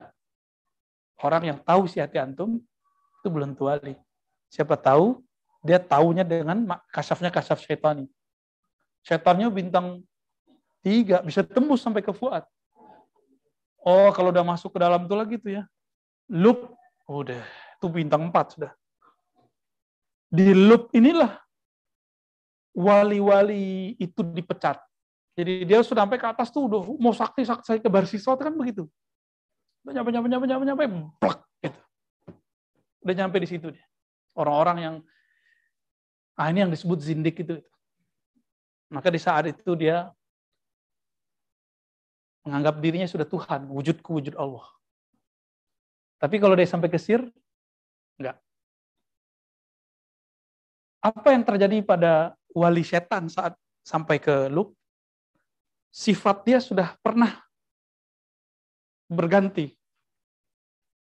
Jadi setan itu pernah mengalami sifatnya berganti dengan sifat Allah. Basornya berganti dengan basor Allah. Sehingga pandangannya lebih cepat. Dia bisa tembus. Tapi Allah kan nggak mau kasih satu. Jadi setan itu dulu pengen minta, ya Rob, aku pengen kibriamu. Kibria itu ada di sir. Pengen jadi engkau deh sejenak gitu. Gimana sih rasanya jadi Tuhan itu? Itu kiber. Itu yang disebut aba wastakbara. Dia dulu sudah pernah sombong, maka dia tetap sombong. Wastakbara, maka dia minta lagi. Ya, aba itu kan enggan dia. Enggan. Aba wastakbara. Kiber, ada kiber di dalamnya. Nah, wastakbara itu minta dihargai karena dia merasa besar. Jadi ujian mursyid ketemu mursyid berat. Maka mursyid itu meninggal ketemu kecuali majelis ilmu. Tapi kalau majelis zikir gawat, bisa tengkar. Karena nanti main, main itu sorot-sorot terus. Kalau murid, oh ada yang lucu. Di beberapa majelis ketemu murid-murid, imamnya salah satu torekot tertentu. Dia pimpin dengan zikir torekot, marah yang lain. Siapa yang ikut baca-baca zikir begitu? Gak boleh ikut torekot beginian. Torekot kami hanya torekot kami. Itu kejadian di salah satu lembaga kita, lembaga yang ada di Indonesia. Ya, masa Torikot tambah fanatis nih nggak? 11-12 sama kelompok sebelah berarti. Ya kan gawat begitu. Berarti hatinya nggak kebuka, tambah tambah belajar torikot, tambah ketutup. Ya. Jadi si si iblis itu minta dialah isinya sir itu kira-kira begitu. Jadi oh, dia mau menjadi pintu masuk sirnya. Jadi orang-orang kalau mau ketemu Allah lewat dia dulu. Dialah yang ngatur-ngatur ntar. Nah, jadi orang bisa sampai ke sana, sampai ke loop. Udah fana sifat, itu masih bisa masuk. Karena zat, ada satu lagi zat. Jadi orang-orang yang aman itu cuma sampai ke fana fiz, fiz zat. Dan itu cuma Rasulullah dan Al-Ghaus. Dan Imam Mahdi pasti Al-Ghaus. Di akhir zaman loh ya. Di akhir zaman. Apakah ini zamannya? Ya nggak, saya nggak tahu. ya, kita bukan uh, peramal peramal waktu kita.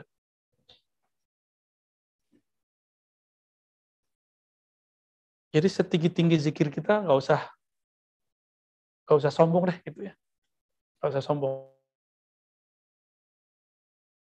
Tinggi ilmu kita nggak usah ngerasa alim.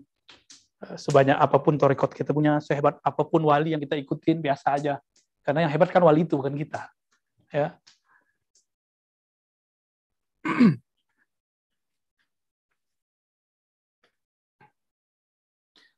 Nah, dari lub ke sir itulah yang disebut faqaba qausaini au adna. Maka jarak antara Allah dengan Nabi Muhammad dengan Allah itu cuma dua busur.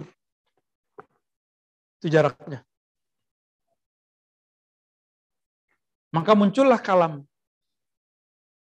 Di dalam kolbu itu ada fuad, dalam fuad ada lub dalam lub ada sir, ufisir ana.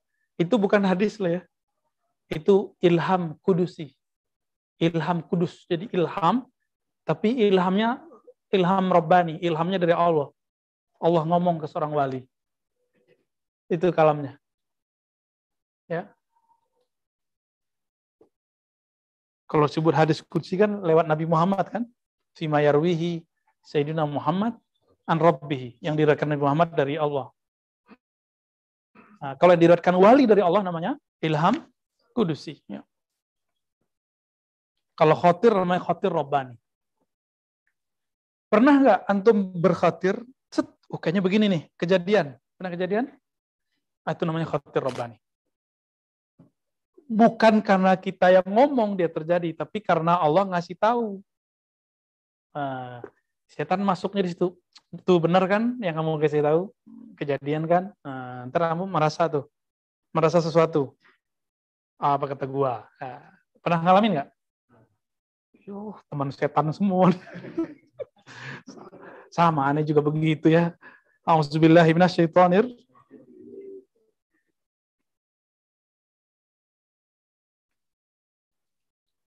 Kalau banyak khotir masuk, masuk. Ini ada satu persoalan nih. Kita istikharah. Terus yang mana yang benar? Nah, dijawab sini. Qala al-Junaid. Ya. Al-awwal li'annahu idza baqiya raja'a sahibuhu ila ta'ammul wa hadha syartul ilm. Kalau ada lebih dari satu khatir, yang ribet tuh dua, iya atau tidak. Nah, ini biasanya orang mau nikah atau mau kerja atau mau apa gitu ya. Atau memilih suatu pilihan, pilihannya dua. Maka ini agak berat. Kenapa? Karena dua-duanya biasanya bagus. Dua-duanya bagus. Khotir awal dan tadinya itu bagus. Terus mana yang akan dipilih? Itu yang pertama. Karena yang pertama itu dari Allah. Gitu. Jadi kalau antum sudah pernah memilih sesuatu di awal, habis istikharah, itu yang terbersit, jangan diganti. Jangan diganti ya. Kalau nggak percaya, sholat lagi dua rakaat. Pasti itu lagi yang keluar. Nggak percaya, sholat lagi dua rakaat. Pasti itu yang keluar. Nggak percaya, tujuh hari kerjain. Ya. Qala Ibn Atta'illah, Qala Ibn Atta' ini bukan Ibn Atta'illah, Al-thani aqwa li'annahu izdada quwwa bil awal. Nah, ada mazhab lain Ibnu Atha bagi dia yang kedua karena yang kedua lebih kuat. Wa qala Abdullah Abdullah bin Khafif huma sawa. Sama aja, dua-duanya baik gitu. Tapi yang al-aula kalam Junaid. Nah, kita tarjih. Yang paling bagus dari yang bagus itulah yang pertama karena itu khatir min Allah. Qalu al-waridat amu min al-khawatir. Nah, ada namanya khatir di atasnya yang lebih umum namanya warid. Warid itu sesuatu yang datang dari Allah juga. Bedanya, kalau khotir itu dia lintasan. Kalau warid ini sudah ada sebelum lintasan itu ada. Kita zikir. Ini ciri-ciri antum punya khotir nggak apa nggak punya ketetapan nih. Mau baca Quran nih, mau baca Quran, baca Quran. Pas baca Quran kepikiran dalail. Bingung nggak? Pas pegang dalail, wah sholat fatih aja deh. Pas pas fatih, nah macam-macam kembali ke awal. Kalau sudah kembali ke awal, maka waridnya turun lagi. Jadi warid itu sudah ada bersama wirid. Namun orang merasakannya baru selesai. Ciri-ciri orang akan dimudahkan rezekinya dia mudah sekali ngamalin surah Al-Waqiah. Berarti dari sononya sudah bukan karena baca waqiahnya. Jadi karena rezeki mau deket nih. Ahwal kolbunya kemudian pengen menyesuaikan kondisi. Supaya dia tidak musyrik atau tidak menjadi lupa diri, maka dibuatlah settingan dalam dirinya dia baca surat Al-Waqiah yang isinya bab tauhid. Yang empat pertanyaan itu. Sehingga ketika dia mendapatkan itu, dia nggak merasa ini usaha dia, tapi karena anugerah dari Allah Subhanahu Wa Taala. Itu rahasia-rahasianya. Ya. Cuma kan kalau orang awam nggak, karena saya baca Al-Waqiah, maka ah itu. Ini kebalik-balik aja tuh. Beda-beda tipis ya. Al-waridat amu min al-khawatir al-khawatir takhtassu bi naw'i khitabin aw mutalabatin.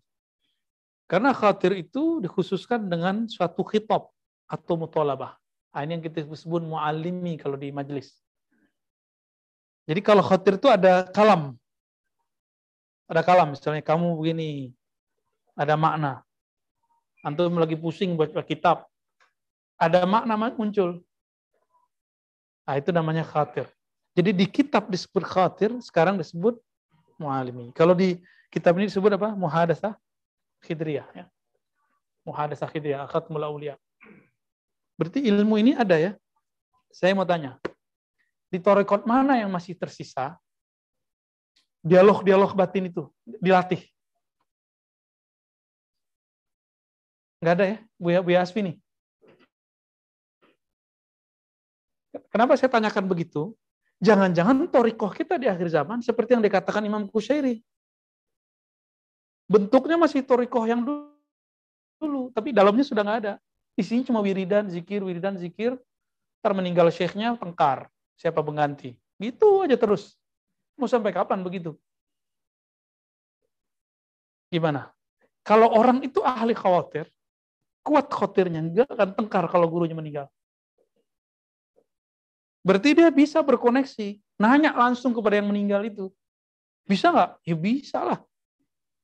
Kalau nggak percaya, buka kitab Ibnu Qayyim aja lah. Kitab Ar-Ruh. Apakah mungkin orang hidup al-ahya bertemu dengan orang mati? Mungkin dalam kitab Ibnu Qayyim. Tapi ada tata caranya. Jadi Ibnu Qayyim ini menunjukkan data-data data-data data tata caranya ada di kitab ini dan di kitab-kitab ulama. Namun tata cara itu tidak akan bisa dipraktekkan kecuali oleh orang yang kolbunya memang mendapatkan ini dari ulama. Ini udah ada begini nih, terus satu praktekin, belum tentu benar juga.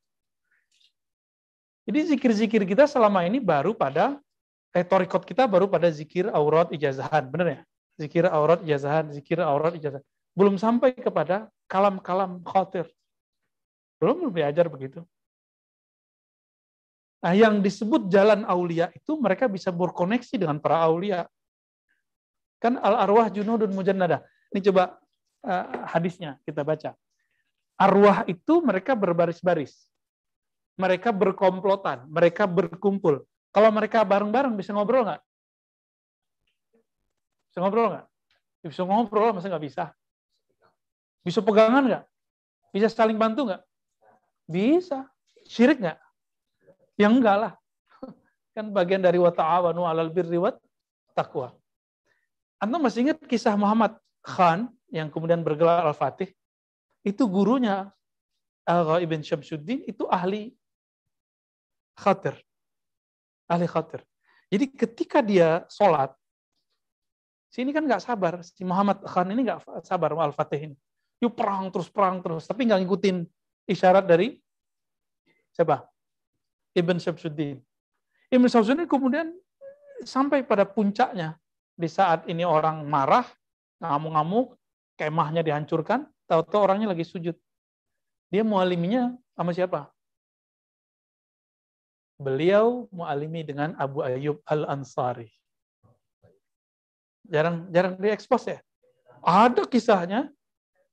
Cuma di situ diperhalus. Aku bermimpi ketemu Abu Ayyub Al. Itu bagian dari mualimi. Mualimi lewat mimpi bisa.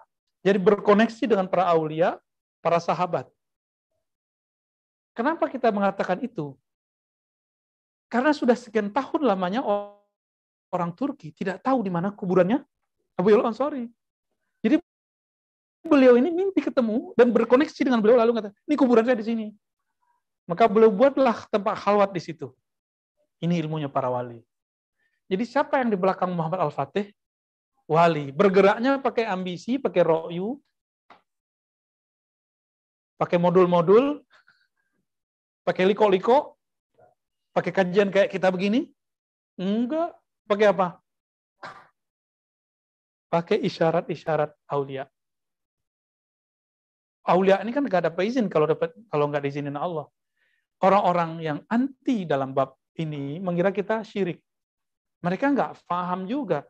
Wali itu nggak boleh dia keluar dari alamnya atau koneksi dengan seseorang kecuali izin Allah.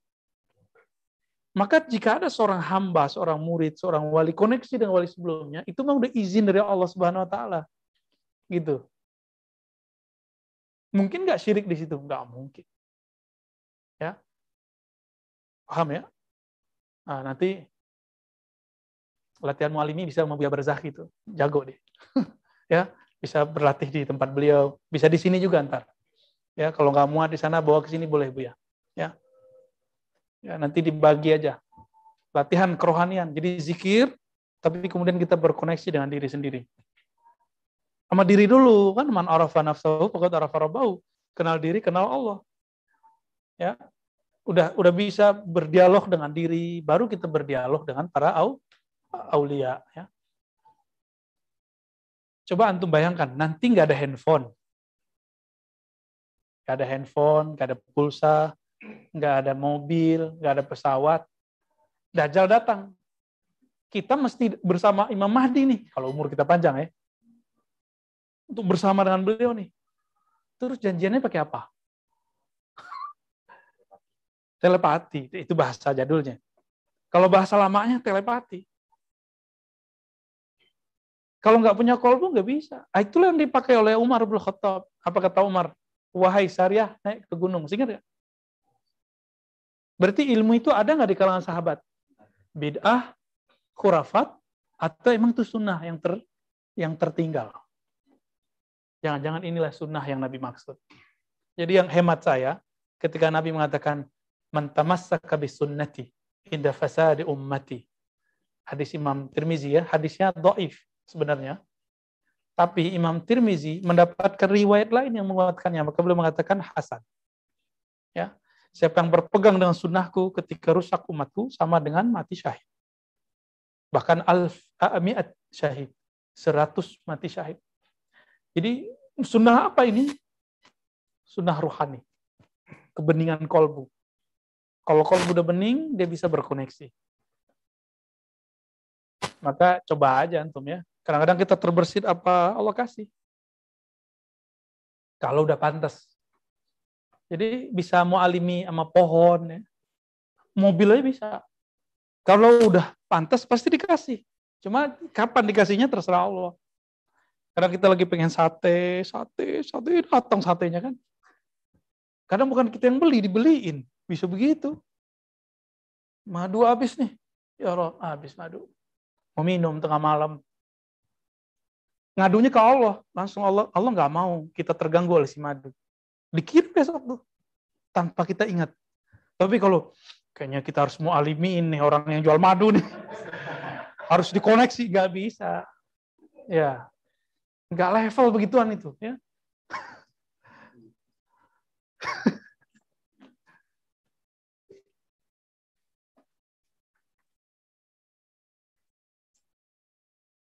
Bagaimana cara supaya lintasan ini aman?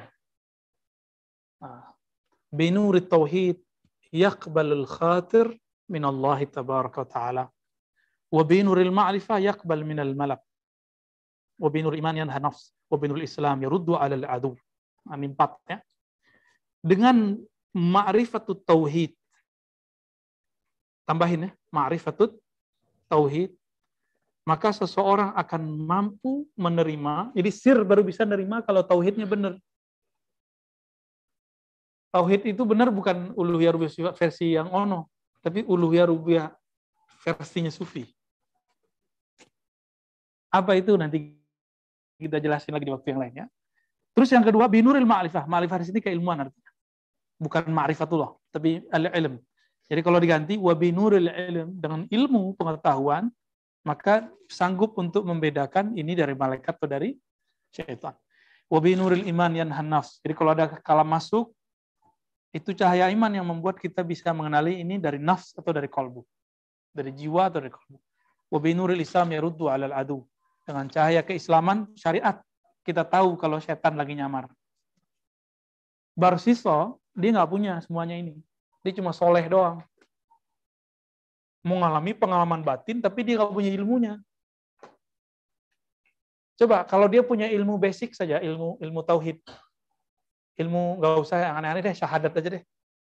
Si orang yang ingin menyelamatkan dia mengatakan, aku selamatkan engkau tapi dengan syarat sujud ke kakiku. Bocah kecil aja nih, boleh nggak sujud kepada selain Allah?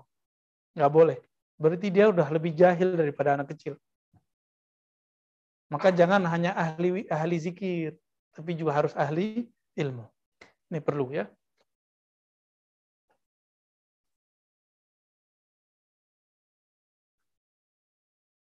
Sudah, Sidi Musa? Banyak amat pertanyaan. ya, Fadal. Hmm. koneksi antara orang hidup dengan orang mati.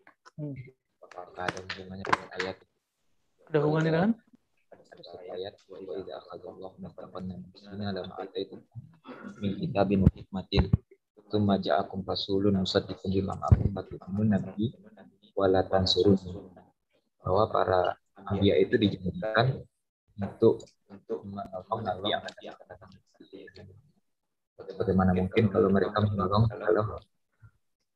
kalau mati ya, Wah, canggih juga yang nanya nih. Jangan-jangan berzaki nih murid-muridnya nih. Nabi itu mati nggak? Kalau Wahabi bilang mati. Karena mereka nggak punya adab sama Nabi.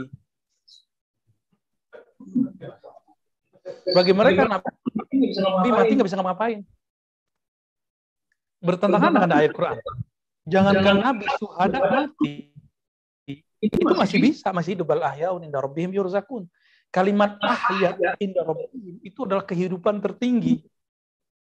Coba antum arti itu hidup apa itu? Kalau saya sebut hayat robbani. Hayat robbani itu nggak ada limit, dia mau ke mana aja boleh. Bahkan dia pengen bertubuh nih, dia izinkan Allah. Dia belum pengen mati nih kalau dia suhada yang sampai ke level itu ya. Allah hidupkan lagi. Banyak kejadian-kejadian itu. Kan hilang. Makanya ada tuh beberapa di Malaysia itu ada Haji Ahmad Syataria. Zikirnya dahsyat masa hidupnya mengajarkan marifatullah. Masuk ke kubur, dipegang lagi hilang. Di Lombok katanya kejadian nih. Itu hoax apa asli? Asli ya? Asli. Itu zikirnya apa? Minimal dia sampai di sifat tuh. Zikir sifat dia sampai. Mereka menyaksikan sifat Allah. Itulah syuhada yang tertinggi. Dia membunuh dirinya, membunuh musuh-musuh dalam jiwanya. Kan syuhada itu kan pembunuh. Walaupun antum bunuh seribu musuh, tapi dalamnya ria, apa kata Nabi Finar? Ada kan hadisnya? Jadi syuhada itu bukan orang yang bunuh-bunuh-bunuh. Antum membunuh itu dengan apa? Masih ingat gak hadisnya? Ada orang jawara bisa membunuh banyak orang. Dilaporkan ke Nabi Rasulullah ini canggih sekali nih, banyak bunuh orang nih. Nabi bilang fitnar. Nabi udah mau alimi sama, sama, sama Allah kan. Nanya lagi, oh Rasulullah ini orang bunuh hebat. Finnar. Tapi tiga kali. Malam-malam, ternyata lukanya udah banyak. Nggak kuat diambil belati, ditusuk jantungnya. Mati. Finnar nggak? Tuh. Berarti ini syahid nggak? Jadi syahid itu bukan orang yang bisa bunuh-bunuh orang doang. Bunuh dulu kedirianmu, baru kamu disebut syuhada yang hakiki. Itu yang berat ya. Saya juga berat. Jangankan antum kita juga berat. Ya. Ah, kalau para syuhada nggak mati, para ambia gimana? Hidup kalau di Quran itu sesungguhnya ke akhirat itulah itulah benar-benar kehidupan. Lahiyal hayawan. Ada ayatnya kan? Sesungguhnya kehidupan akhirat itulah hayawan. Itulah kehidupan yang sebenarnya. Itu akhirat. Sekarang syuhada inda robbihim. Tinggian mana? Inda robbihim. Inda robbihim. Makanya mereka masih hidup. Tapi bagaimana caranya? Harus antum jelang dulu. Jadi kita harus pergi dulu ke inda robbihim itu. Ya, harus berkoneksi dulu dengan indah robbihim ini baru ketemu mereka. Itu yang disebut usul. Jadi di sana mereka kayak gini juga, mengumpul ketemu, ada jadwalnya loh mereka itu. Di riwayat di Ibnu cerita loh Ibnu Qayyim. Jadi ada seseorang bermimpi orang soleh meninggal. Tanya, kalian di sana masih ngumpul nggak? Masih. Setiap malam Senin, apa malam Sabtu, cerita sore Sabtu kami ngumpul katanya. Itu ada loh mereka ngomong begitu. Jadi yang dikira orang mati hilang, nggak orang mati itu dia cuma ganti alam aja dimensi. Di sono nyari ma'rifatullah lagi. Ya. Dengan demikian, para ambia lebih hidup daripada para syuhada. Bisa nggak berkoneksi dengan para ambia?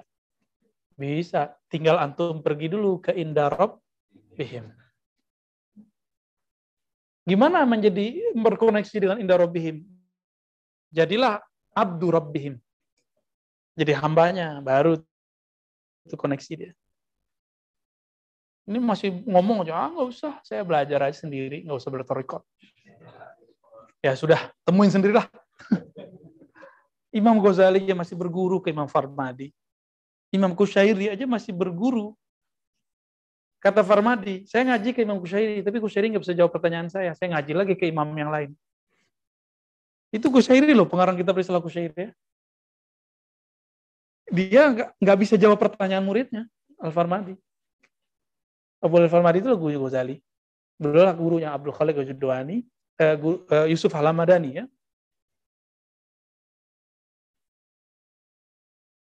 Nabi SAW jalan nih. Tiba-tiba ada dua kubur disiksa, ya kan? Itu mualim itu. Namanya muhadasah, koneksi rohani dengan alam lain. Nabi jalan, ada ada batu sebelum jadi sebelum dia diutus, sebelum terbuka dakwahnya. Beliau sudah nabi. Batu-batu manggil wahai Rasulullah, wahai Nabiullah. Berarti ada koneksi nggak? Ah, ilmu koneksi adalah ilmu tentara Al-Mahdi akhir zaman. Nah, ini yang harus kita cari ilmunya. Bukan halu loh ya. Wah, antum halu nih, dongeng nih. Enggak. Kalau itu dongeng, kenapa Nabi ngomong, nanti pohon-pohon bebatuan akan memanggil orang Islam. Wahai orang Islam, di sini ada musuh Allah. Itu gimana cara dengernya tuh? Pakai ini. Coba sekarang ajak ngomong ini nih. Antum bisa denger gak? Makan saya, makan saya. Itu namanya perutnya ngomong. Lapar namanya. Emang mereka ngomong, tapi bukan dengan suara ini. Kalau saya panggil, Musa, kedengaran suaranya. Mereka pohon gak punya mulut, gimana dia mau ngomong? Di sana ada namanya ruh nabati. Ruh ini yang ngomong. Kalau antum berbicara dengan ruh yang ada di sini, baru bisa koneksi. Di tubuh kita ada nggak ruh nabati? Ruh yang tumbuh ada nggak? Ada itu yang tumbuh. Kuku tumbuh, rambut tumbuh. Ini kalau nggak ada ruh nabati nggak bisa. Nah, harus ke sana perginya, baru bisa koneksi dia. Teorinya begitu.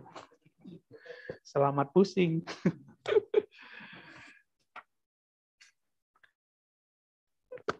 Ziyadah? Baik.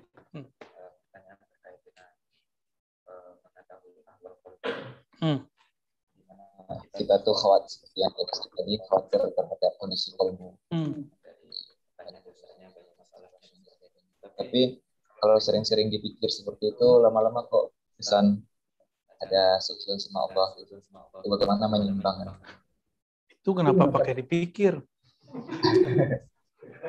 Berarti nggak ngikutin ngaji dia. Kita ada akal berpikir. Ada kolbu berzikir. Ada fuad yang menghasilkan tadabur itu di fuad. Ada lub yang menyimpulkan. Ada sir yang mengenal. Beda-beda. Jadi bagian ini bukan untuk dipikirkan, bro. Ya, jangan jangan dipikirkan. Maka punya mursid biar gak mikirin banyak-banyak. Azan al-muazzin? Hmm? Wah masuk surga tuh HP-nya tuh. Azan duluan dia. Baik, ah, teman-teman yang melakukan Allah, uh, sampai akhir tidak jauh berbeda. Dia menyebutkan ada macam-macam khatir ya.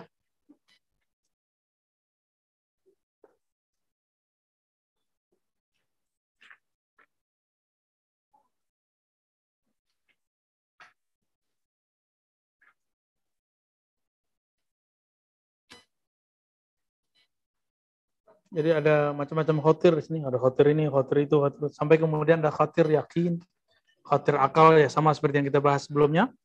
Intinya sudah sudah ke cover ya. Jadi pekan depan kita langsung ke uh, bab 5, 8. Tapi naktafi bil hamla, nanti kita teruskan dengan kitab yang lain ya. Kitabnya apa ntar kita bahas ya. Sallallahu alaihi subhanahu